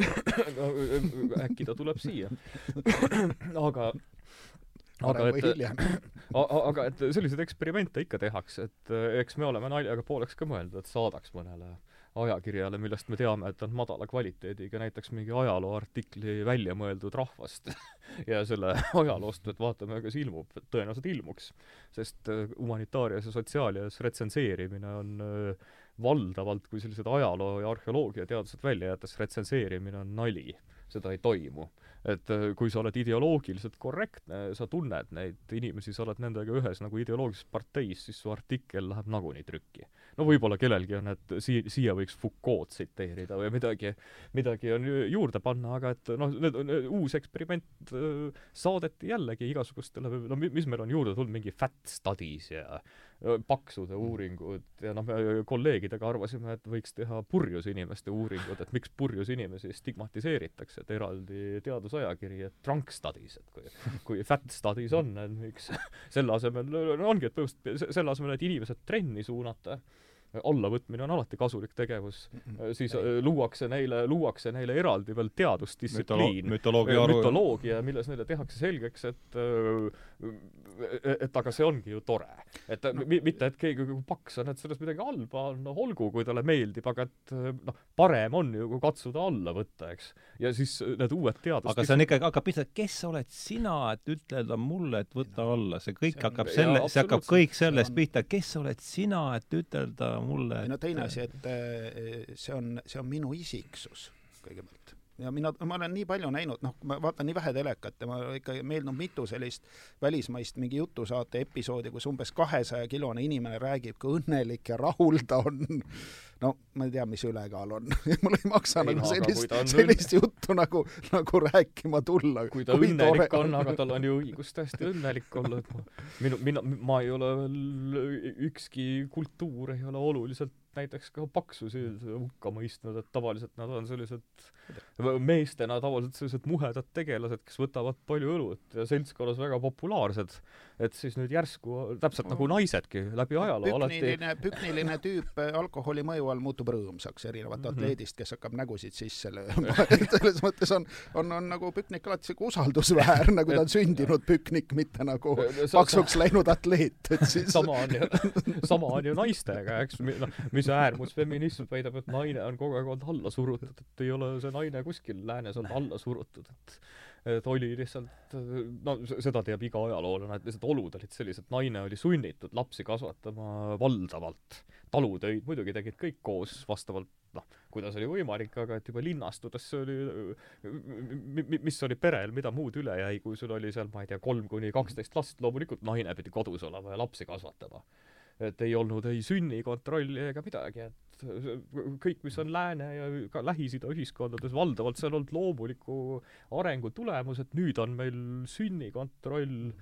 sotsiaalabi, et see on täiesti loomulik, et li-, lihtsalt kuna majandus ja kapitalism on nii palju arenenud, kapitalism ongi ka naised vabastanud selleks, et naine nüüd, kui ta rikas on, võib lapsehoidja palgata, viia lapse lasteaeda, isegi riigi kulul valdavalt et see, see on nagu to-, toimub tegelikult loogiline ajalooline areng, paratamatused.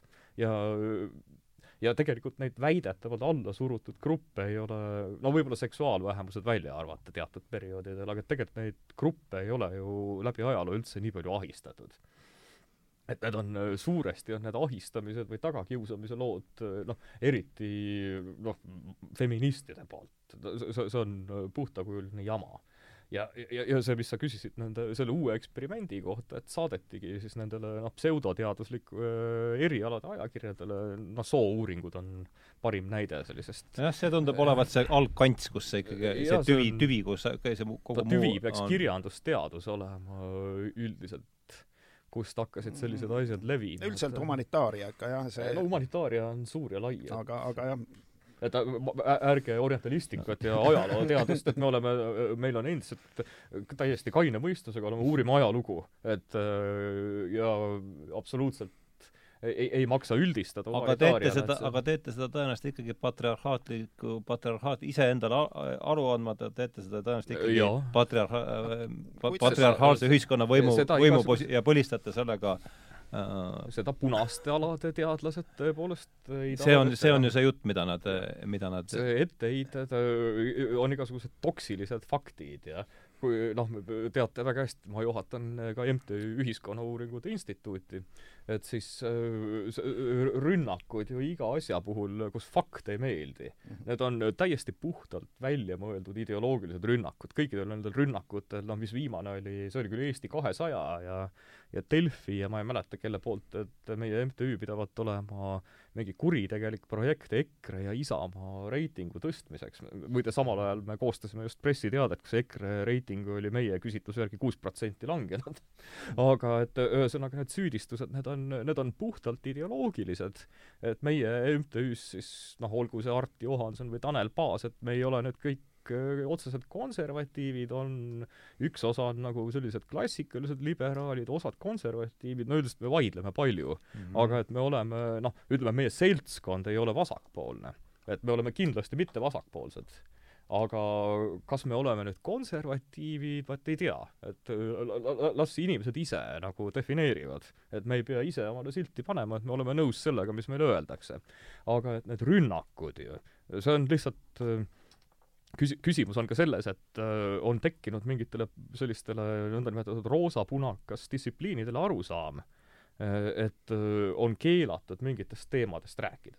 näiteks tuleb mingi küsitlustulemus, olgu see seksuaalvähemus või ükskõik mille kohta siis täpselt nagu see, et nad, mingi seltskond on kuskil paar aastat mingisuguses noh, ma ei tea, mingit eriala õppinud, mida minu arust inimene võiks kuue kuuga omandada, põhimõtteliselt need oskused, mida seal vaja on, ja siis tekib nagu arusaam, et mitte keegi teine ei, ei tohigi äh, antud, ütleme, temaatikaga tegeleda või kui tuleb ebameeldiv tulemus, siis seda tulemust ei tohi avaldada. eks oleks nüüd mingeid küsimusi, mis teil oli see Postimehega, see, mis see oli seesama valimis äh, valija hääleandja. hääleandja, jah. see on väärtuspõhine kompass. Et teatud küsimusi ei tohi küsida ja, ja see on et see, see, see oli, see, oli absoluutselt ideoloogiline rünnak, kõik need inimesed, kes ründavad, esindavad vasakspektrit valdavalt. Et äh, tohib küll, et äh, see, see on lihtsalt kaine, see sõnastus ei muuda äh, absoluutselt inimese suhtumist. Ja täpselt selliseid küsimusi võib küsida, need sõnastused on vaieldavad, ühele meeldib üks, teisele teine. meie üldiselt, me leiame, et intrigeerivad küsimused ongi head. Selle, miks me selle MTÜ tegimegi, me lihtsalt nägime, et tegelikult ei küsita. Olgu see siis üldsuse või rahva või ükskõik kelle arvamust, et seda, seda ei uurita ja seda ei küsita, et no küsitakse, näiteks minul on käinud kaks korda küsitleja kodus ja on öelnud, noh, mingi poliitika teemadel on olnud küs-, aga see on olnud eelküsitlus aga siis, kui on küsitlus, siis ei ole mult kunagi enam küsitud, aga eelküsitluselt mul küsitakse, et selles mõttes ma olen nagu eel, eelküsitluste proff, aga ma ilmselt ei kvalifitseeru sinna lõppvalikusse oma meelsuse poolest. aga see on nagu uskumatu, et kui sa esitad, ütleme, intrigeerivaid või siis noh, teemad, mis on vastuolulised, olgu see kooseluseadus või suhtumine näiteks samasooliste ma ei tea millesse, et öö, probleem on just see, et me avaldame neid, ütleme, me avaldame otse ja suht sellisel kujul, nagu need on.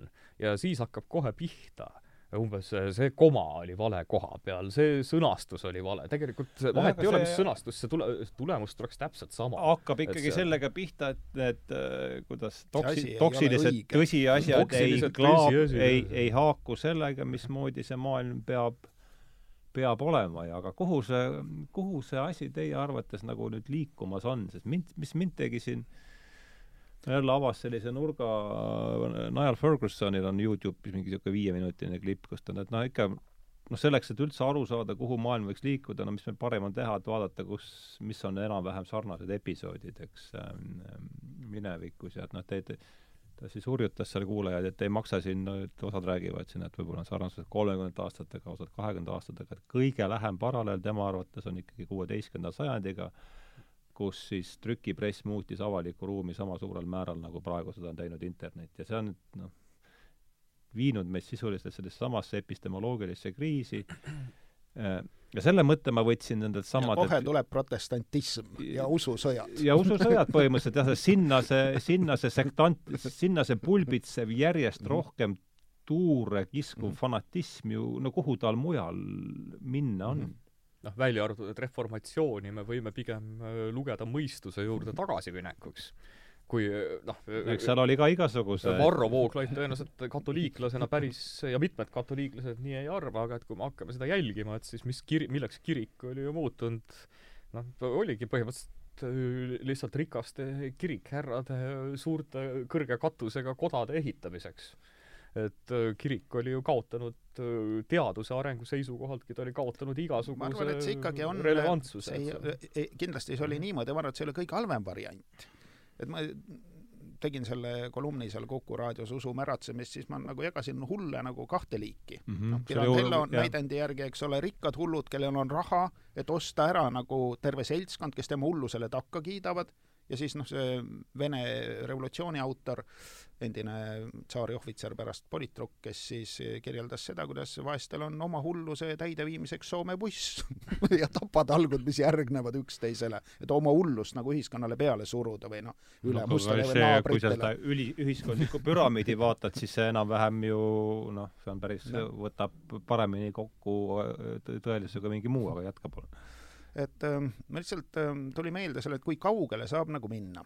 et ma äh, viimasel ajal loen nagu vähem lehti ja vaatan raadiot, sest täna juba ja, ja või vaatan telekat ja kuulan raadiot, see on nagu kaunis raske, et see, mis toimub, noh, ületab pidevalt nagu sellise noh, nagu mõistuse piirid, et noh, lähen emale külla, ema ütleb jälle kuidagi jutu sees, et nägin telekas teadlast, kes rääkis, et noh, nagu need sood, et mees- ja naissugu, et need on nagu väga udused ja ma hakkasin selle peale mõtlema, siis esimene kord emaga rääkisin pornograafiast, et et inimesed ju vaatavad pornograafiat, et kõik saavad aru, see oli vahepeal, internet selle peale rajatigi, et inimesed vaatasid pornot ja varastasid muusikat et noh, kõik saavad aru, mis pornograafias toimub.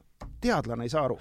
tema jaoks on udune, pilt jääb udune fookuseks välja nagu Woody Allen ühes filmis, udune on. eks siin ole, e-, e-, ega ka arstid ja ka psühhiaatrid ei julge paljudel teemadel avalikult sõna võtta et äh, paljud teemad on ka meditsiiniteadlastele, sellega minnakse vaikimisi kaasa. Äh, kuni võib, ühesõnaga, no paljud arstid on öelnud, et lihtsalt ei puuduta. et sul võib, olgu need psühholoogid või arstid, et ei ole soovitatav mm. mingisuguseid teemasid, aga miks peakski? inimene on, inimene on pühendunud teiste, ma ei tea, ravimisele, miks ta ja, ja ta ei julge lihtsalt oma arvamust tihtipeale välja öelda, sest ta langeb nii meeletu sellise, kuigi see seltskond on väike, nad on nagu herilase parv või et kui sinna korra kepp lükata, et siis nad tulevad kõik nõelama ja paljud inimesed ei pea nagu seda vastu no, hirmuvad ära no, ja ikkagi on ka mõned, mõned sellised piinlikud juhtumid, kunagi oli ju üks äh, kooliõpetaja, kes sai Õhtulehe loo peale oma ametist mm. lahti, sest ta arvas, et naised võiks lapsi sünnitada no,. see tundus olevat nii ketserlik kooli juhatusele, selline mõte oli, oli mingi oli, ta oli vist et naised oli... on liiga valivad, noh, ühesõnaga, et nad võiks ikkagi noh, nagu ikkagi mehi võtta, mitte mingeid printsuse oodata. Priit Tiives või Tieves. ja midagi sellist oli jah, oli küll jah. ma lugesin, lugesin äh, tuli meelde, et ta lisas mu Facebooki vist sõbraks kunagi nüüd. ma, ma ei ole küll kunagi suhelnud. et, äh, et see noh, et kuhu veel, noh kuhu veel, inimene kirjutab loo, mitte, me ei ole teada, et oleks ühtegi seadust rikkinud selle looga, ma ei tea, mis paragrahvi alla see siis nüüd läks, et naised võiks lapsi sünnitada ja meestega vahekorras olla sellel eesmärgil. ropp. no roppus jah, ei ole nagu ka nagu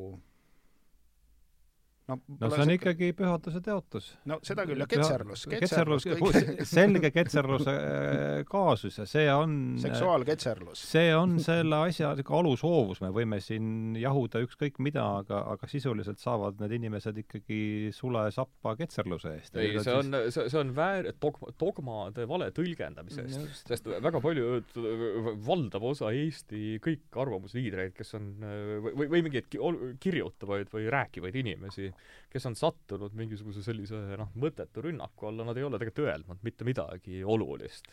ega mi-, mina, mina näiteks kunagi, kui ma kriitika alla sattusin, ma mainisin, et see, mis toimub ISISega, on sõda, aga noh, punased, kes ründasid, nad unustasid ära, et Prantsuse president, tollane Hollande, oli juba sedasama Prantsuse parlamendist öelnud, kes oli sotsialist mm. -hmm. et siis noh, et mind rünnati selle eest, et ma olevat siis islamofoob mm, -hmm. aga et see rünnakud tulevad Äh, väga kiirelt ja mitte isegi mitte mingi alusdogma kõigutamise eest, vaid kui sa lihtsalt teed sõnavääratuse. aga mina jään enda juurde, et neid rünnakuid suunatakse, neid rünnakuid rahastatakse, mina ise olen olnud Feministeeriumi mingis listis, kes oli mingi aasta šovinist või midagi sellist, ma tean, kes Feministeeriumi rahastab väga hästi. just nimelt, et, et ma näen meil, seda, ma näen seda suunavat kätt, ma tean, kes seal ministrid on, on, ma tean, mis ei, ministrid need sellised on. ei saagi eitada. me, meie MTÜ Ühiskonnauuringute Instituudigi poolt me oleme koostanud, Tanel Paas eriti veel koos mitme inimesega on koostanud ka uuringut, kus näidati ära, et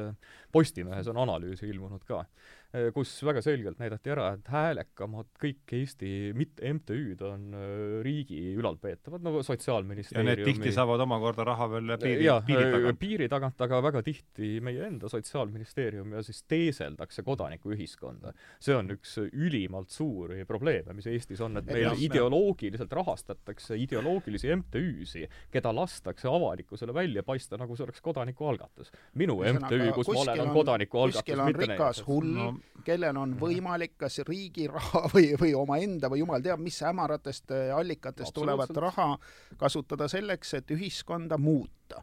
noh, väärtusi muuta, arusaamisi muuta ja püüda mu emale selgeks teha, et äh, udune, udune on see asi, udune, saad aru. aga, aga, aga vaatame, et kas, vaatame, et kui, kui, kui, kui nüüd peaks EKRE valitsusse saama, varem või hiljem nagunii saab, et siis kui EKRE-le läheb Sotsiaalministeerium, et kuhu siis hakkab raha minema, et kas siis on homoseksualismi ümberkasvatuskliinikud või, et minu arust see on nagu väga ohtlik, kui anda, ütleme, ühele parteile või ühele sellisele ultraäärmus sotsialistlikule või liberaalsele erakonnale ja tema liidrile kätte võimalus või, või rahastada oma fundamentaalset ja kohati isegi äärmuslikku maailmapilti et äh, me, me, me, me peaks täiesti loobuma sellest, et meil hakatakse mingeid kodanikeühendusi niimoodi riigi poolt rahastama. Äh, isegi et, oleks ju väga tore, okei okay,, mul tuleb pähe rahastada nüüd mingisugust islami kodanikuühendust, aga kui see ühendus ei saaks Postimehes sõna, kui ta saaks ERR-is sõna, teda ei oleks olemas. noh, palju seal Facebookis ikka, kes teda viitsib seal lugeda, on kolmsada hullu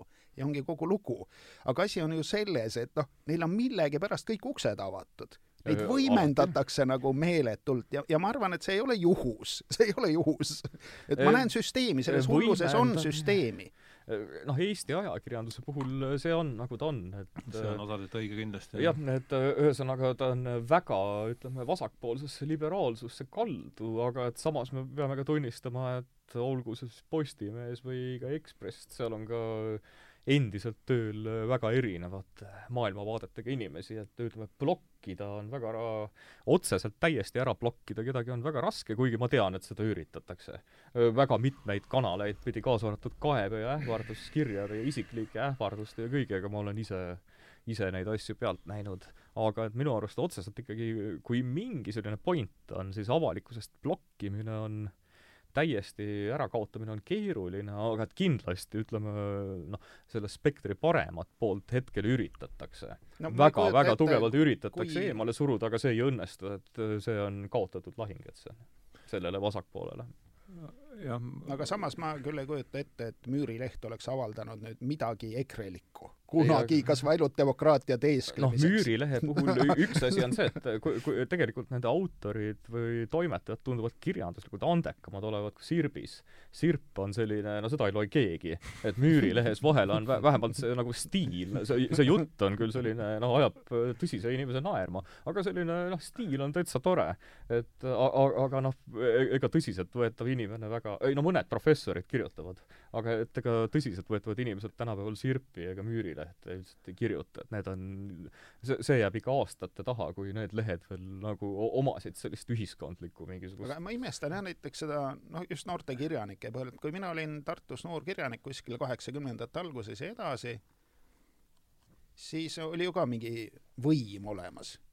aga kirjanikud, noored kirjanikud ei olnud võimutruud kindlasti oli nooruses, oli kommunist Rimmel, oli toimetaja ja, ja avaldas ka seal kellegi luuletusi Leninist vahel harva, aga mina ei tea seal Tartu seltskonnas, kes olid ikkagi noh, ma arvan, ma tean seal ikka suuremat osa, seal ei olnud ühtegi sellist veendunud kommunisti või riigivõimu toetajat mm. -hmm. sellist niisugused Enn Lillemetsa moodi või Indrek Särje moodi, kes nüüd on konservatiiv ja Lillemets oli niisugune noh, Betty Alveri austaja, väliseestlaste lugeja, niisugune Eesti asi ikka, loeti Alliksaart ja mingeid selliseid asju, Ernst Ennot ja, ja Masingut ja, ja see oli see, millega tegeleti, keegi ei tegelenud mingisuguse riigivõim, ei olnud mingit Leeberehti sekti.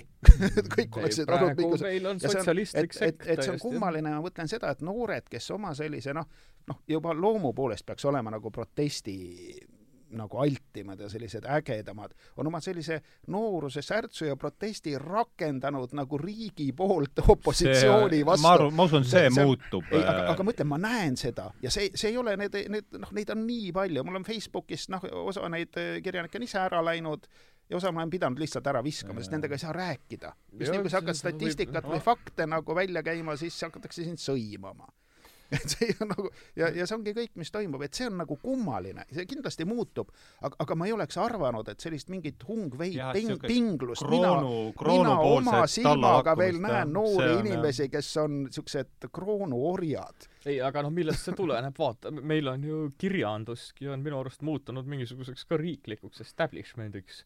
mingisugused troikad jagavad üksteisele vist auhindu no see on juba mingid... kultuuri finantseerimise no, suur no, see, probleem. ta on rohkem selline noh, rahastuse ümber, et kes, kes kuidas nagu hakkama saab, aga see, see, see, see, ei tundu nagu, see, see tundub olevat ka selline, noh, sina tead tõenäoliselt paremini, aga et see ei tundu enam selline iseseisev loometegevus, vaid see tundub olevat ka juba allutatud kuidagi sellisele aga no, ma nüüd mõtteviisile. Teid kuulates siin tulin ise ka selle ühele mõtte, ma võtan natukene ja siis küsiks teie arvamust, et eks see niimoodi, see avastamine siin käibki, eks, et et me oleme siin rääkinud palju vasakpoolsuse teema on läbi käinud ja ega see ei ole ka niisugune, no ma ei ole päris Peetriga selles mõttes ka nõus, et seal on ka seda erisusi on päris, päris palju, kui seda asja lähemalt vaadata, aga aga ma mõtlen seda, et kui me nüüd vaatame siin, võrdleme kuuekümnenda aastate vasakpoolsust ja seda siis noh,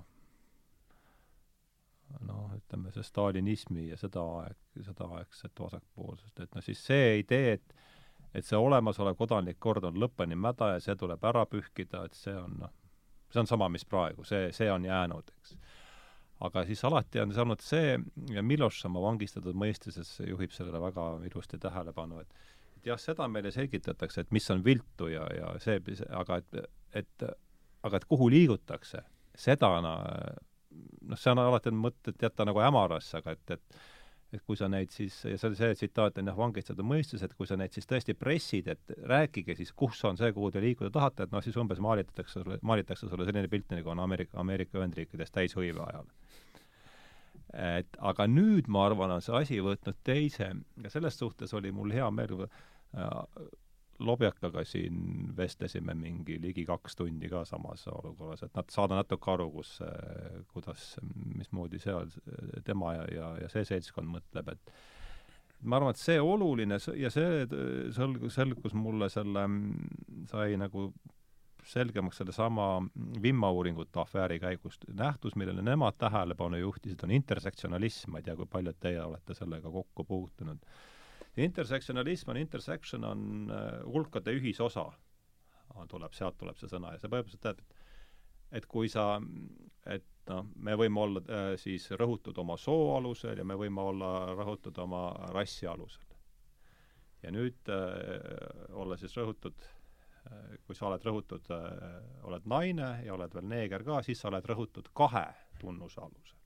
ja sellega sa oled rõhumisolümpial juba edasi pääsenud ja ka noh, neid tunnuseid, mille alusel noh, kui see, kui sa selle äh, džinni juba lased pudelist välja, eks siis on need tunnuseid, on siin, tunnuste arv võib kiiresti kasvada kahe, kahe-kolmekümneni, et see ja, ja, ja nüüd see pilt, ma usun, et ma ei tee, ma küsisin üle, üle veel Ahto käest ka paar korda, et ma saan aru, et see pilt, mida meile nüüd maalitakse, et kuhu siis liikuda tuleb, on see, et kui me selle nüüd, seda interseks-, jaotame selle niimoodi noh, selle ühiskonna siis kolme-neljakümne tunnuse alusel nendesse erinevatesse siis rõhutatud klassidesse, et see pilt, kuhu me tahame, kuhu meile väidetakse, et kuhu tuleb nüüd liikuda, on selline, et kõikidel ametikohtadel on see jaotus nende siis, nende rõhutute klasside vahel on enam-vähem ühesugune. et niikaua, kui seda ei ole, niikaua, kui mingil ametikohal on rohkem mehi, või on rohkem valgeid, nii, ja et ütleme nii, et tõsiasi, et mingil ametikohal on rohkem mehi või on rohkem valgeid, see on juba siis äh, kindel tõend selle kohta, et ühiskonnas valitseb rõhumine. ja see on minu arvates, on nagu veel vint sellele äh, Jossi-aegsele ideoloogiale nagu juurde äh, pööratud ja nüüd tuleb see mitte ida poolt, vaid lääne poolt, et ma arvan, et see on selline päris äh, olen isegi kirjutanud sellest mida? et selle, sellest ma olen oled kirjutanud, jah? no, no enam, võib-olla natuke teise nurga alt, et et see on ma ei tea, kas see jutt oli, oli nagu jaa, jälgitav? absoluutselt. Et see on, see on, see, see on äh, naljakas, nagu, nagu me kõik teame. et just seesama, see intersektsionalism on minu arust ülioluline kogu selles äh, et see, see on äh, tagasi jõudnud, noh, no nagu te kõik väga hästigi teate, et algne bolševism oli ju, see oli ju täielik, ma ei oskagi öelda, porno või hardcore porno, mis seal toimus. et seal oli abielusuhetest loobumine läbisegi, sugulised vahekorrad, noh, see oli Lenini esimestel aastatel, see lõppes, nagu ma olen äh, lugenud ja ka dokumentaalfilmidest näinud, see lõppes vist liiga suure suguhaiguste lainega. et siis, äh, kui, kui juba Stalin tuli Stalin põhimõtteliselt lõpetas ära selle täiesti hullumeelse bolševistliku eksperimendi. kusjuures Stalin oli see, kes hakkas selle perekonnale tähelepanu pöörama uuesti. ainus, keda ta ära ei tapnud muidugi oma algsest lähiringkonnast, oli madam Kollontai. Aleksandra Kollontai siis. ei teagi, nad olid vist sõbrad. tundub, et Stalinil üks naissõber oli. et siis Kollontai näide on hea, üks esimesi naisi maailmas, kes propageeris vaba armastust ja vaba sugulist läbikäimist öö, leidis omale ühe kauni noore madruse kuskilt, ma ei mäleta, Peterburist või Leningradist, võttis selle omale armukeseks, tegi tast vist äkki oli mereväeministri või midagi, igal juhul ministrite nõukogus ta oli, täiesti mingi hariduseta suur lihaseline madrus. aga Kollontai loobus koheselt öö, selle vaba armastuse nõudest siis, kui ta avastas oma noore mehe enda kabinetist enda sekretäriga.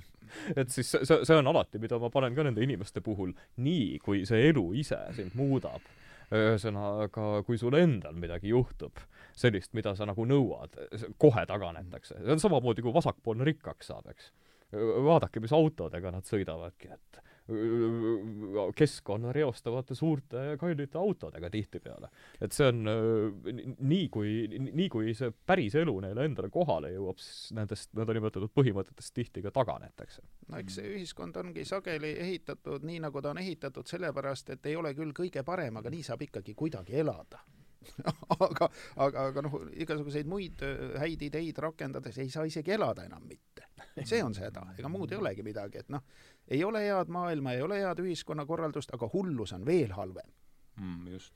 aga see ongi täielik, täielik kaos on ikkagi mis, mis, mis ju hämmastav oligi, et äh, Vikerkaar avaldas ära siis Trotski essee aastal kaks tuhat kuusteist, see oli siis natsionaalsotsialismist.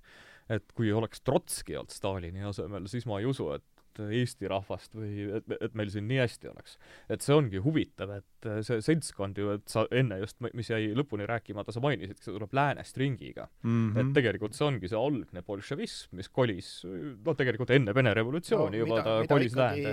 mida On Nõukogude võtnud võim tegelikult- tegelikult..., Nõukogude võim väga kõvasti Jah. oma salateenistust ja salarahadega kõistamagi tuli ju agendina välja asja ja et noh, neid väga suuri vasakpoolseid staare on ikkagi nüüd paljastatud kui, kui KGB või Ja, ja Stasi agente. KGB oli põ- Ja ta on põhitegevus tulnud, ta on tulnud ringiga tagasi sealtkaudu ja võtnud veelgi radi- Ja, veelgi veelgi radikaalsema, radikaalsema kuju just sellesama intersektsionalismi näol, mis minu arvates on oluline asi, mis tuleks ära nimetada ja ka eesti keelde, noh, ma toon lihtsalt selle mõisteliselt siin, ma vaatan Sa- sa eelkõige Sveni Svenile otsa, kes on eesti keele spetsialist meil siin, aga et on tähtis, on see asi ära nimetada, ma arvan, et see juurpõhjus või see üks äh, jah, see on küll üks see- seesama inter-, intersektsionalismi mõiste on, mis ma sellest Vimma uuringute afääris kaasa võtsin, see on väga oluline, see Ellen Blackrose ütleb seal, kes on üks selle kolmiku liikmetest, et jah, et, et parempoolsed kipuvad tihti segamini ajama postmodernismi, neomarksismi ja sellesama intersektsionalismi ja siis äh, noh, jätavad tähelepanu alt välja just sellesama tunnetusteoreetilise poole, mis tähendab siis seda, et, et noh, kü-, küsimus on selles, et kust me saame üldse, kus me saame, me oleme rääkinud siin mitu korda, et maailm on üks või teist, nii või teistsugune ja vastame tihti meie ettekujutustele temast, aga küsimus, et kust me saame üldse teadmisi maailma kohta. ja kui me vaatame enne kuueteistkümnendat sajandit, kus me saime, mis oli viimane teadmiste allikas, oli sisuliselt ikkagi pühakiri, piibel oli, oli läänes see viimane, viimane tõe kriteerium, sealt tulid meie teadmised nüüd. pärast kuueteistkümnendat, see on muidugi karikeeritud ja ma pärast kuueteistkümnendat sajandit võttis piibli ilmutuse koha üle empiiriline teadus. ja sisuliselt, mida see mida see vimauuringute kolmik tähelepanu juhtis, on see, et nüüd on see intersektsionalistide see, kes, seltskond on endale loonud uue põhikirja või tähendab, pühakirja. ja see pühakiri on see suur korpus, kuhu siis kõik, kõik teadusartiklid, mis on nendes artiklites, mis on nendes ajakirjas ilmunud, saavad automaatselt püha, noh, mhm. eh, püha, püha sõna, püha sõna tunnistuse kaanonisse vastu võetud ja see, ja see, ja see, mis seal kirjas on, defineerib nende jaoks maailma. maailm ongi nii, selline, nagu ongi. see ongi pühakirjas kirjas ja, ja see on minu arust ääretult kui me sellele mõtleme natukene, siis see on ikkagi väga oluline äh, pööre asjas, kõige miks, väga sügaval filosoofilisel tasandil. miks ma ju kogu aeg Foucault äh, igal pool näiteks toon, Foucault on põhimõtteliselt äh, noh, Foucault, mul on ju, just valminud üks viiekümneleheline artikkel ka neil teemadel, et seda ei jõua siin tutvustada, aga et Foucault Äh, ta on äh, põhimõtteliselt püha mees kogu sellele seltskonnale mm -hmm. ja ka Foucault on märgatavalt, äh, ta on kordades radikaalsuselt üle kõikidest marksismi ja anarhismi, võib-olla Foucault on võrreldav teatud mõttes maoismiga. et täielik häving või katse, soov hävitada kõik, mis olemas on ja et see, see, see hästi naljakas ongi, kui need praegu vasakpoolsed libateadlased väidavad äh, noh, nad kutsuvad ennast teadlaseks, tänapäeval doktorikraad enam ei tähenda teadlast paljudel aladel, aga, aga et see, see on naljakas väide, et öeldakse, et Foucault, aga ta ei olnud, ta ei toetanud ju Marxi. Et loomulikult ta ei toetanud Marxi, sest Marx oli liiga konservatiivne. Mm.. Marx tahtis ühiskonna alles jätta. Marxi ideestikus ei olnud seda, et tuleb näiteks politsei ära kaotada täielikult või noh, Marxil ikkagi ühiskond organismina tegutses edasi, kui nii võtta. et see, muidugi see, mis Marx varasemate fanaatikute põhjal töö, välja töötas, oli muidugi jube. aga et see ei ole võr-, jubeduselt võrreldav sellega, mis, mis pildi Foucault tõi. Foucault on võrreldav millegi, noh, Orwelli tuhat üheksasada kaheksakümmend neli või midagi veel hullemat, selline Mid, midagi see sõnum on seesama, et see on läbinisti mäda ja see ja. tuleb kaotada. jah, ja Foucault, Foucault on sõna otseses mõttes, ta on Jeesuse staatuses. et Siisek on öelnud, et äh, nendele nõndanimetatud tänapäeva postmodernistlikele ja marksistlikele filosoofidele tehakse liiga, sest me ei ole ju, et me ei ole tegelikult üldse nii võimsad, nagu meid portreteeritakse.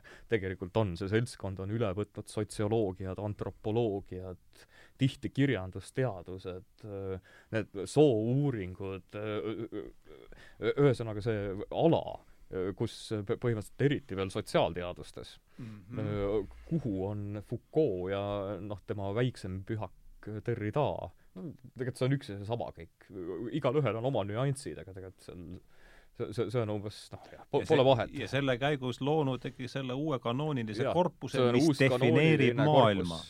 ja Foucault on, ta on Jeesusega võrdväärne äh, põhimõtteliselt Rein Raualegi, kes äh, alates oma doktoritööst just Ossing kusjuures äh,, kuni, mis tal oli see mingi tähendus keeris või, kus ta mainib, et Foucault on olnud tema põhiline õpetaja või kuidas ta, ma täpselt ei mäleta, aga noh, kõige suurem mõjutaja, et Foucault on äh, kõige varasem, aga võrreldes kõige radikaalsem, seda on muide ka Chomsky, olles, noh, Chomsky on peaaegu marksist, et ka Chomsky on öelnud, et see on ja, ühiskonnale ohtlik. jah, ma vaatasin ka üle tükk aega Chomsky, ma ka kannatada ei saa vaadata, aga aga seekord isegi mulle Chomsky tundus jah, selle, selle kambaga võrreldes ikkagi päris selline päris okei okay, vana nagu. Chomsky toetab struktuurse ja bioloogilise moraali kontseptsiooni olemasolu, tema jaoks ei ole mitte jumaliku päritolu, vaid noh, ütleme inimühiskonda reguleerivad sellised normid, mis arenevad pikapeale paremaks, mis mõnes mõttes pole vale ühesõnaga, no Chomsky ikkagi ütleb, et soo, soo-uuri, soo-uurijate žurnaalides ei ole jumalikku ilmutust. jah, ta ühesõnaga Chomsky tema on seda Chomsky on sama vihane, isegi ta on solvavam postmodernistide ja Foucault'e ja nende vastu, kui on Jordan Peterson. Mm.. Chomsky ja Peterson minu teada üksteist jälle ei salli, noh, mis on arusaadav, aga Chomsky sa..., Chomsky on, kusjuures see, kuidas ta postmodernistide vastu sõna võtab, see on ülimalt nauditav. muide, üks asi, mis ta õigesti on, Chomsky on vähe asju äh, nagu täppi pannud, aga ta ütles Foucault kohta, et olgu Foucault, mis ta on, aga ta on vähemalt loetav. jah, Scruton ütleb sama asja. sest kui sa loed muid Prantsuse valdavat osa postmodernismist, see on täielik, vist ei tohi ropendada raadios, aga see oli shit oli see teine osa. või vabandust, pull oli jätame, jätame raadiokuulajatele mõtelda, mis see võis olla. pull oli esimene osa, teine oli shit. aga et põhimõtteliselt Chomsky kirjutage meile. et ütleme, Chomsky maailm ei oleks, Chomsky maailmas me oleks äh, vabad indiviidid. et me, me, meil oleks lubatud talle vastu vaielda, et Foucault maailmas mitte me kuuluks, me oleks igandid ja me kuuluks nagu põhimõtteliselt yeah. nagu Foucault ise ütles, et tuleb tegutseda siin ja täna kõikide õiguslike, poliitiliste, moraalsete ja majanduslike normide vastu. ma jäin veel selle marksismi ja intersektsionalismi suhete üle mõtlema ja mul tekkis selline pilt, et nagu me vaatame seda ühiskonda sellise suure püramiidina, et meil on tipus on vähe siis jõukaid inimesi all on suur hulk äh, vaesemat seltskonda, et siis see marksism tõmbab sellest äh, püramiidist läbi keskelt mingi joone, et on siis rikkad ja, on siis rikkad ja vaesed ja see põhivastuolu on nagu selle pealt. mulle tundub, et mis nüüd on selle intersektsionalismi ja nende kultuurisõdade käigus, on, on see joon läheb nüüd otse, vertikaalselt läbi, läbi püramiidi. et kui sa oled seal Silicon Valley's selle null koma null null null null null ühe protsendi hulgas, siis sa saad olla seal, saad olla rikas, aga sa saad olla, kui sa oled naine või siis äh, noh, või siis ühte nendesse rõhut-, rõhutud gruppidesse kuuluv, siis sa saad ennast tunda veel ikkagi ka rõhutuna sealhulgas. ja see piir ei ole enam varanduslik, vaid just, äh, ideoloogiline. jaa, et vaatame meie sa saad nagu kaht-, sa saad nagu kahte paremasse maailmakorraga, oled, oled äh, rikas nagu kröösus, aga saad seejuures tunda ennast ka veel rõhutuna, et ma arvan, et see avab no, so, pika... Soros on muidugi parim näide selles ja. osas, kes on jah et, et äh, ilmselt on ikkagi see usumäratsemise ajaloost on nii palju õpetud, et seda rikaste ja vaeste vahet ei saa ära kaotada, et ei tule midagi välja, proovisime, mõnisada miljonit inimest läks vasakule, no pole, pole, pole lugu. aga et proovime nüüd ikka midagi tõsist ära teha, et kaotame soovahed ära et see on ikka niisugune tõsine probleem, et vot see ahistab. see, et teised on sinust rikkamad ja, ja põhimõtteliselt kontrollivad kõike, mis sinu ümber toimub, noh, see on noh, okei okay.. aga et nüüd ühed on mehed ja teised naised, vot seda enam välja ei kannata. Soorose kannatab välja küll mm. ja just need Rockefellerid, tühiasi. aga kuskil on palgalõhe. ja vot see on nüüd, vot, vot see võtab luuni välja. et see on nii, noh, nagu nii veider, noh, mis probleemid mm., mis probleemiasetused vot se-, sellepärast, äh, miks ma ei usugi seda äh, nagu kõrgemalt poolt väga koordineeritud sellist vasakpoolsete vandenõud või et äh, on, miks ma mainisingi ära selle Foucault, et ta levib samamoodi nagu kristlus aga selle vastandina põhimõtteliselt või mm.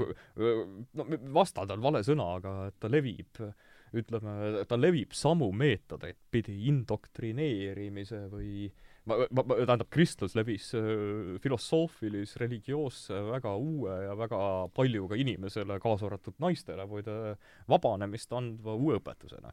see on äh, täiesti äh, noh, arusaadav, miks selline õpetus levis. aga Foucault ja tema seltskonna õpetus levib tegelikult samamoodi, kuigi ta tähendab hoopis midagi muud. Et ta pigem tähendab, ta jutlustab ütleme, selline noh, viha või vi, vi, kõigi viha kõige vastu sellist absoluutset raevu mm. -hmm. aga ta levib kuidagi, ma, ma ei tea, kas see on õige väljend, aga ta levib kui religioon. ja minu arust selleks ei ole vaja mingisugust, selleks ei ole vaja mingit noh, seda suurt venda, kes vajutab nuppe, kuigi rahastajaid on äh, maailmas muidugi. Soros rahastab, vasakliberaal on teisi miljonäre, olgu kas või Trump, eks, kes rahastab jälle teisi organisatsioone, et see on, miljonärid on alati läbi maailma ajaloo võt-, noh, mis on keskaeg ilma rikaste alates templirüütlitest lõpetades muude rikaste metseenidega, et see on, on tavaline, aga et minu arust see postmodernist mis on marksismist märksa radikaalsem, see levib usundina. miks oli just ka see saate pealkiri, usumäratsejad, minu arust väga äh, adekvaatne just seetõttu, et me, me tegeleme hetkel fanaatilise usundiga, mistõttu ka minul ei ole õnnestunud ka näiteks minu MTÜ-d rünnanud sotsioloogide ega ühegi ideoloogiga, mul ei ole õnnestunud nendega ei kohtuda, nad keelduvad sellest. Nad tõenäoliselt teaks, et nad kaotaks iga väitluse. ei, ei äh, saa rüvedusega kokku puutuda. just, just, jah, see on, see on ka, see on ka. Äh, dialoog äh, mingil teemal on, see on välistatud, see oleks sama, mis ma lähen kri-, samas kui ma kristlikku kirikusse lähen ja ütlen, et eh, Jeesus ei ole kunagi olemas olnud ja ta ei tõusnud üles, ma arvan, keegi pahaseks ei saa, siis öeldakse ei nojah, kui sa nii arvad. aga ühesõnaga selle sektiga, kui sa ütled, Foucault'l polnud õigus, siis see on su peale võidakse röökida, karjuda, on väga palju ette tulnud näiteid, võidakse näkku sülitada, on ka ette tulnud ühesõnaga, see on noh, sa vaidledki usuva fanaatikutega. intelligentsed inimesed. Nad ise peavad ennast kas kirjanikeks, kultuuriinimesteks, vaimuinimesteks või kahjuks jah, neil tavaliselt ei ole saavutusi. nii, aga kuhu meil siis, no ütleme, meil on üks veerand tundi, et siis me su Peetri bussi peale mahuks veel seitseteist kakskümmend viis. aega on. et kuhu see hoovusmets siis nüüd teie arvates kannab? No kuhu jõudis, kuhu, kuhu maoism välja jõudis ja kuhu jõudsid ka välja noh, kuhu kristlus välja jõudis, et kõik, kõik need sektid ikkagi, märatsevad sektid jõuavad ju kuskile välja, tavaliselt nad noh, keeravad mingisuguseid inimelusid väga põhjalikult nahka, keeravad ühiskonna nahka, aga aga kui neil ikkagi see võim on käes, noh, Kristus tegi ju päris, päris pika lennu ei saa öelda, et oleks noh, maoism elab siiamaani edasi ja käib päris, päris hästi tema käsi, okei okay,, no natuke mõistlikumaks muutunud Kristus muutus ka ilmselt no veidi mõistlikumaks. see öelda, suur kirg põleb välja sealt pika aja pealt. no kri-, Kristus oleks suurema osa kristlike perioodide kohta öelnud oh jesus et, et, et, et see algab selle märatsemisega mm. -hmm. no see, see aitab nagu võimule ja kui võim on käes, siis sinna ju lähevad ikka psühhopaadid ja karjeristid, et noh, ja, ja need on, need on parem lahendus kui usumäratsejad kindlasti, sest nemad tahavad ainult võimu, raha, seksi ja, ja lihtsaid asju, lihtsad inimesed, noh, ei hakka hakka mingit jumala riiki no, maa peale tooma tule ja kirvega. väga selgelt näha seda Vene revolutsiooni seitsekümne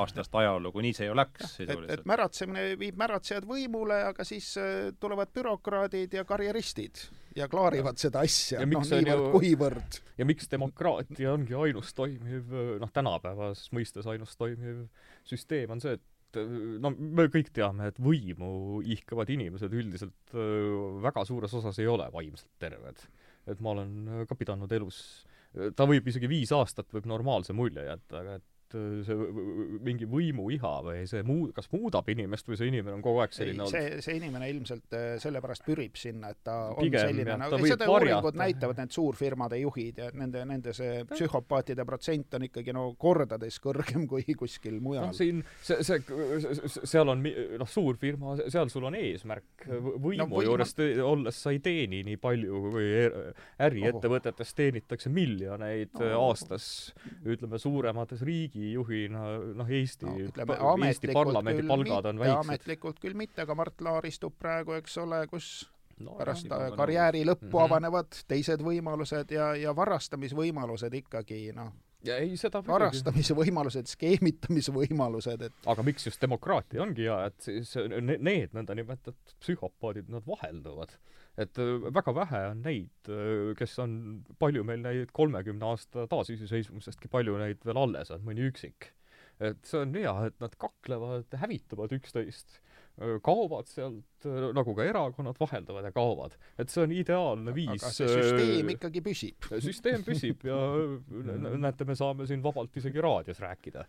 et kui panna täna mõni..., täna veel. täna veel aga Facebookis näiteks on olud ju muutunud Facebookis on olud muutunud ma ei tea, kui palju neid kontosid ja vaatad jälle kodanik kolmas konto, neljas konto, et ja, ja Facebookis on ju nüüd äh, need uued regulatsioonid, mida Euroopa Liit, eks ole, seal sätestas, äh, mitte ainult vihakõne ja kõik need asjad, mis on keelatud, ka midagi, mis võib kedagi häirida.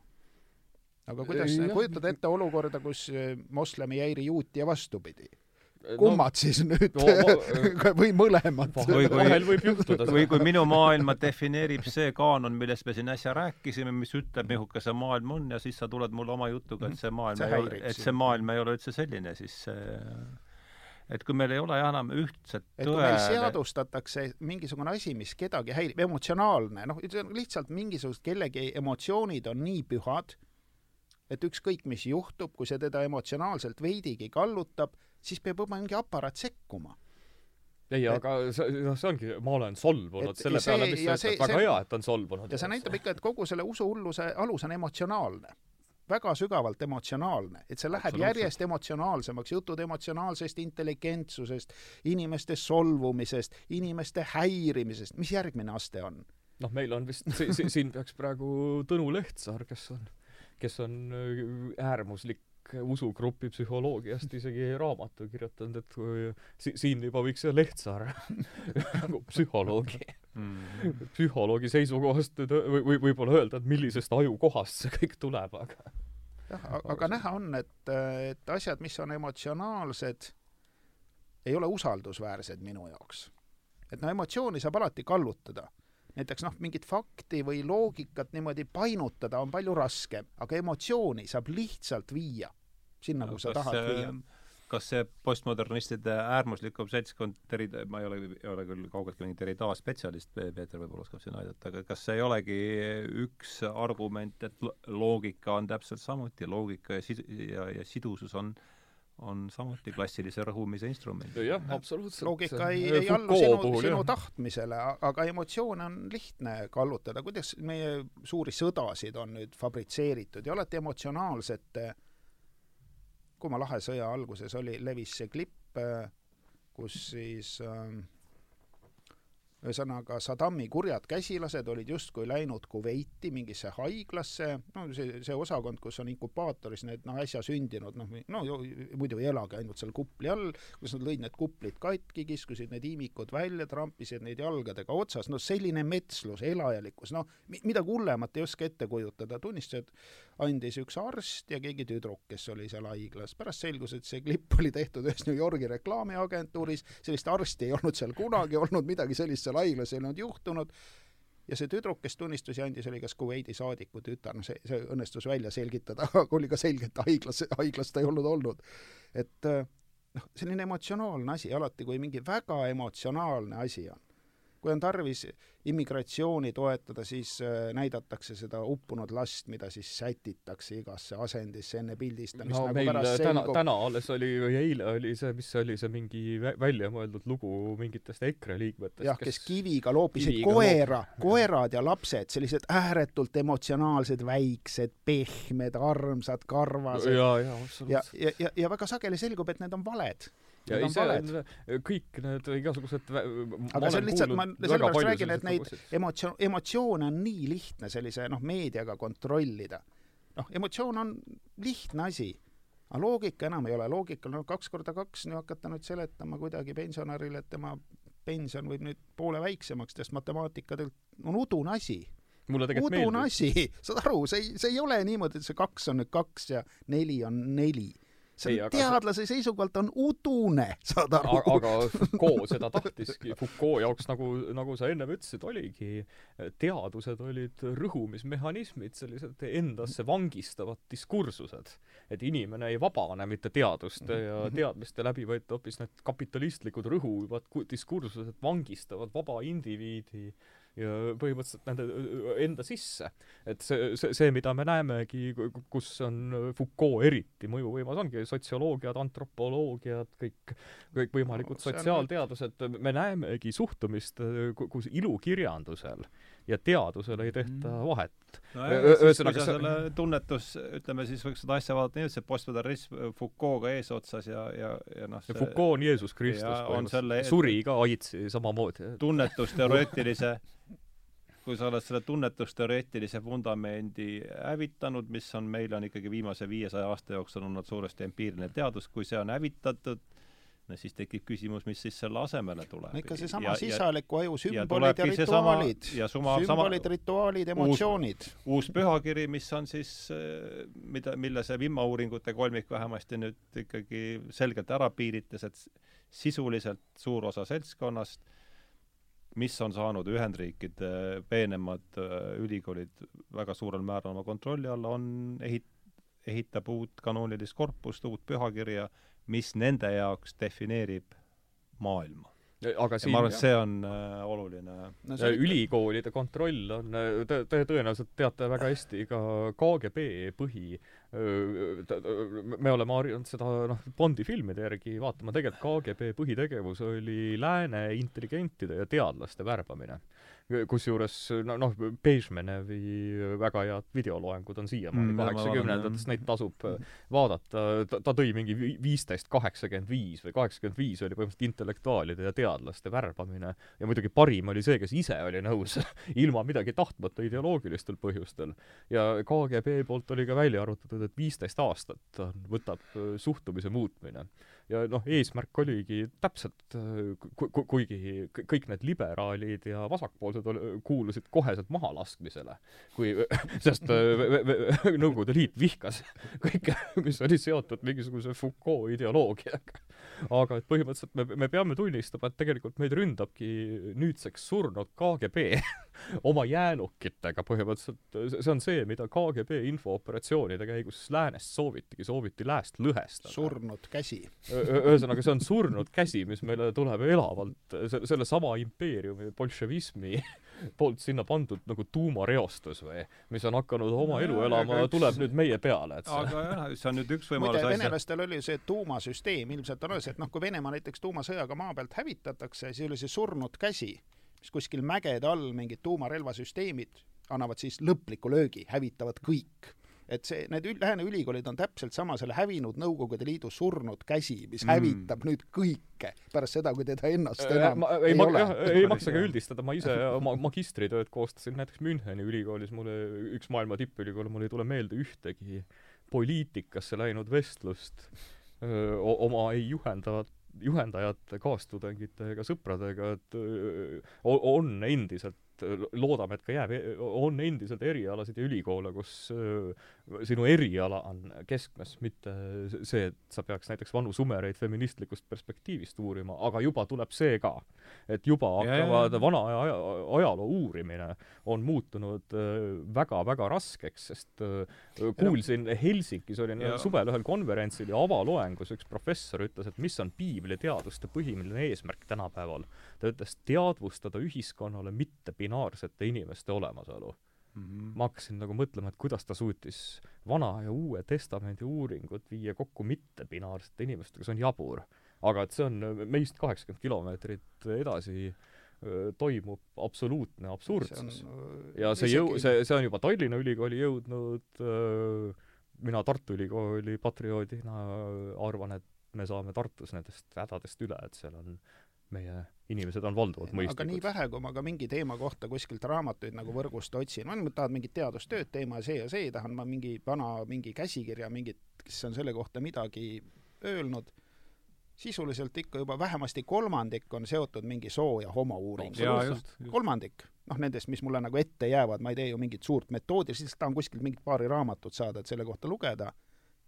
See hakkab ikkagi selles, ükskõik mille vastu ma huvi tunnen, see viib välja. tuleb kohe, kohe tuleb aga see hakkab ikkagi sellest, et siin on püha, siin on pühakiri, ütleb, et maailm on selline ja me peame nüüd äh, kogu selle, mida me muutme, me peame selle pühakirjaga viima vastavusse, noh, see on see minu arvates see äh, mehhanism, millega me praegu vastamisi ja, ja ka reaalteadus, et mul on Just, mitu, mitu Tartu Ülikooli professorit on ka muide viite ka Rootsile, et juba on mingisugused biosemiotikud ja bioeetikud on kuskil ütlevad laboris, mida, kuidas, mida uurida.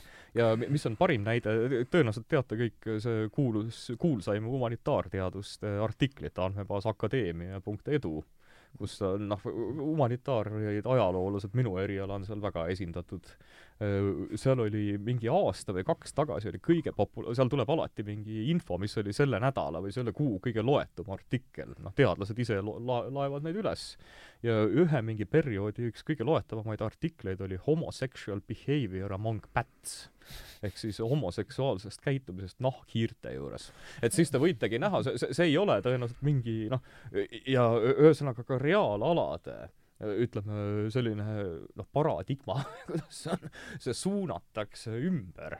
ühesõnaga teadusfunktsioonidel valitseva on- piibliga jah, valitseva piibliga peab see olema kooskõlas, et vaata, kuidas on umbluu humanitaarteadus. järelikult keegi rahastab sellist teadust. ma ei usu, et nad entusiasmist kirjutavad. ma võin Ei no Eesti, Eesti värgid. teaduse rahastamist peaaegu, Eesti teadusrahastus peaaegu puudub, ma olen ise saanud öö, ühe, ühe kõige raskemini saadava grandi kusjuures sumerite kohta küll, aga et hetkel Eestis teaduse rahastamine puudub, et ma ei tea, kas soouuringutele äkki midagi anti, aga ega see aga et meil, meil, me, sellega ei anna hetkel mõjutada, sest meil ei ole teaduse aga rahastamist. rahastamine, see on, see on nali.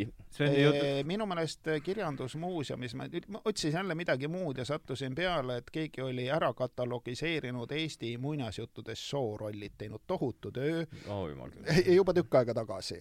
Tõenäoliselt mingisugune, ma ei tea no aga selle eest ma ei usu, et seda Eesti rahaga on tehtud. selle eest, selliste teemade eest saab äh, eriti Põhjamaades ja igal pool äh, sa kui sa uurid päris ajalugu, siis on grantide saamine on äh, raske. ma ütleks, et Eestis see nii ei ole.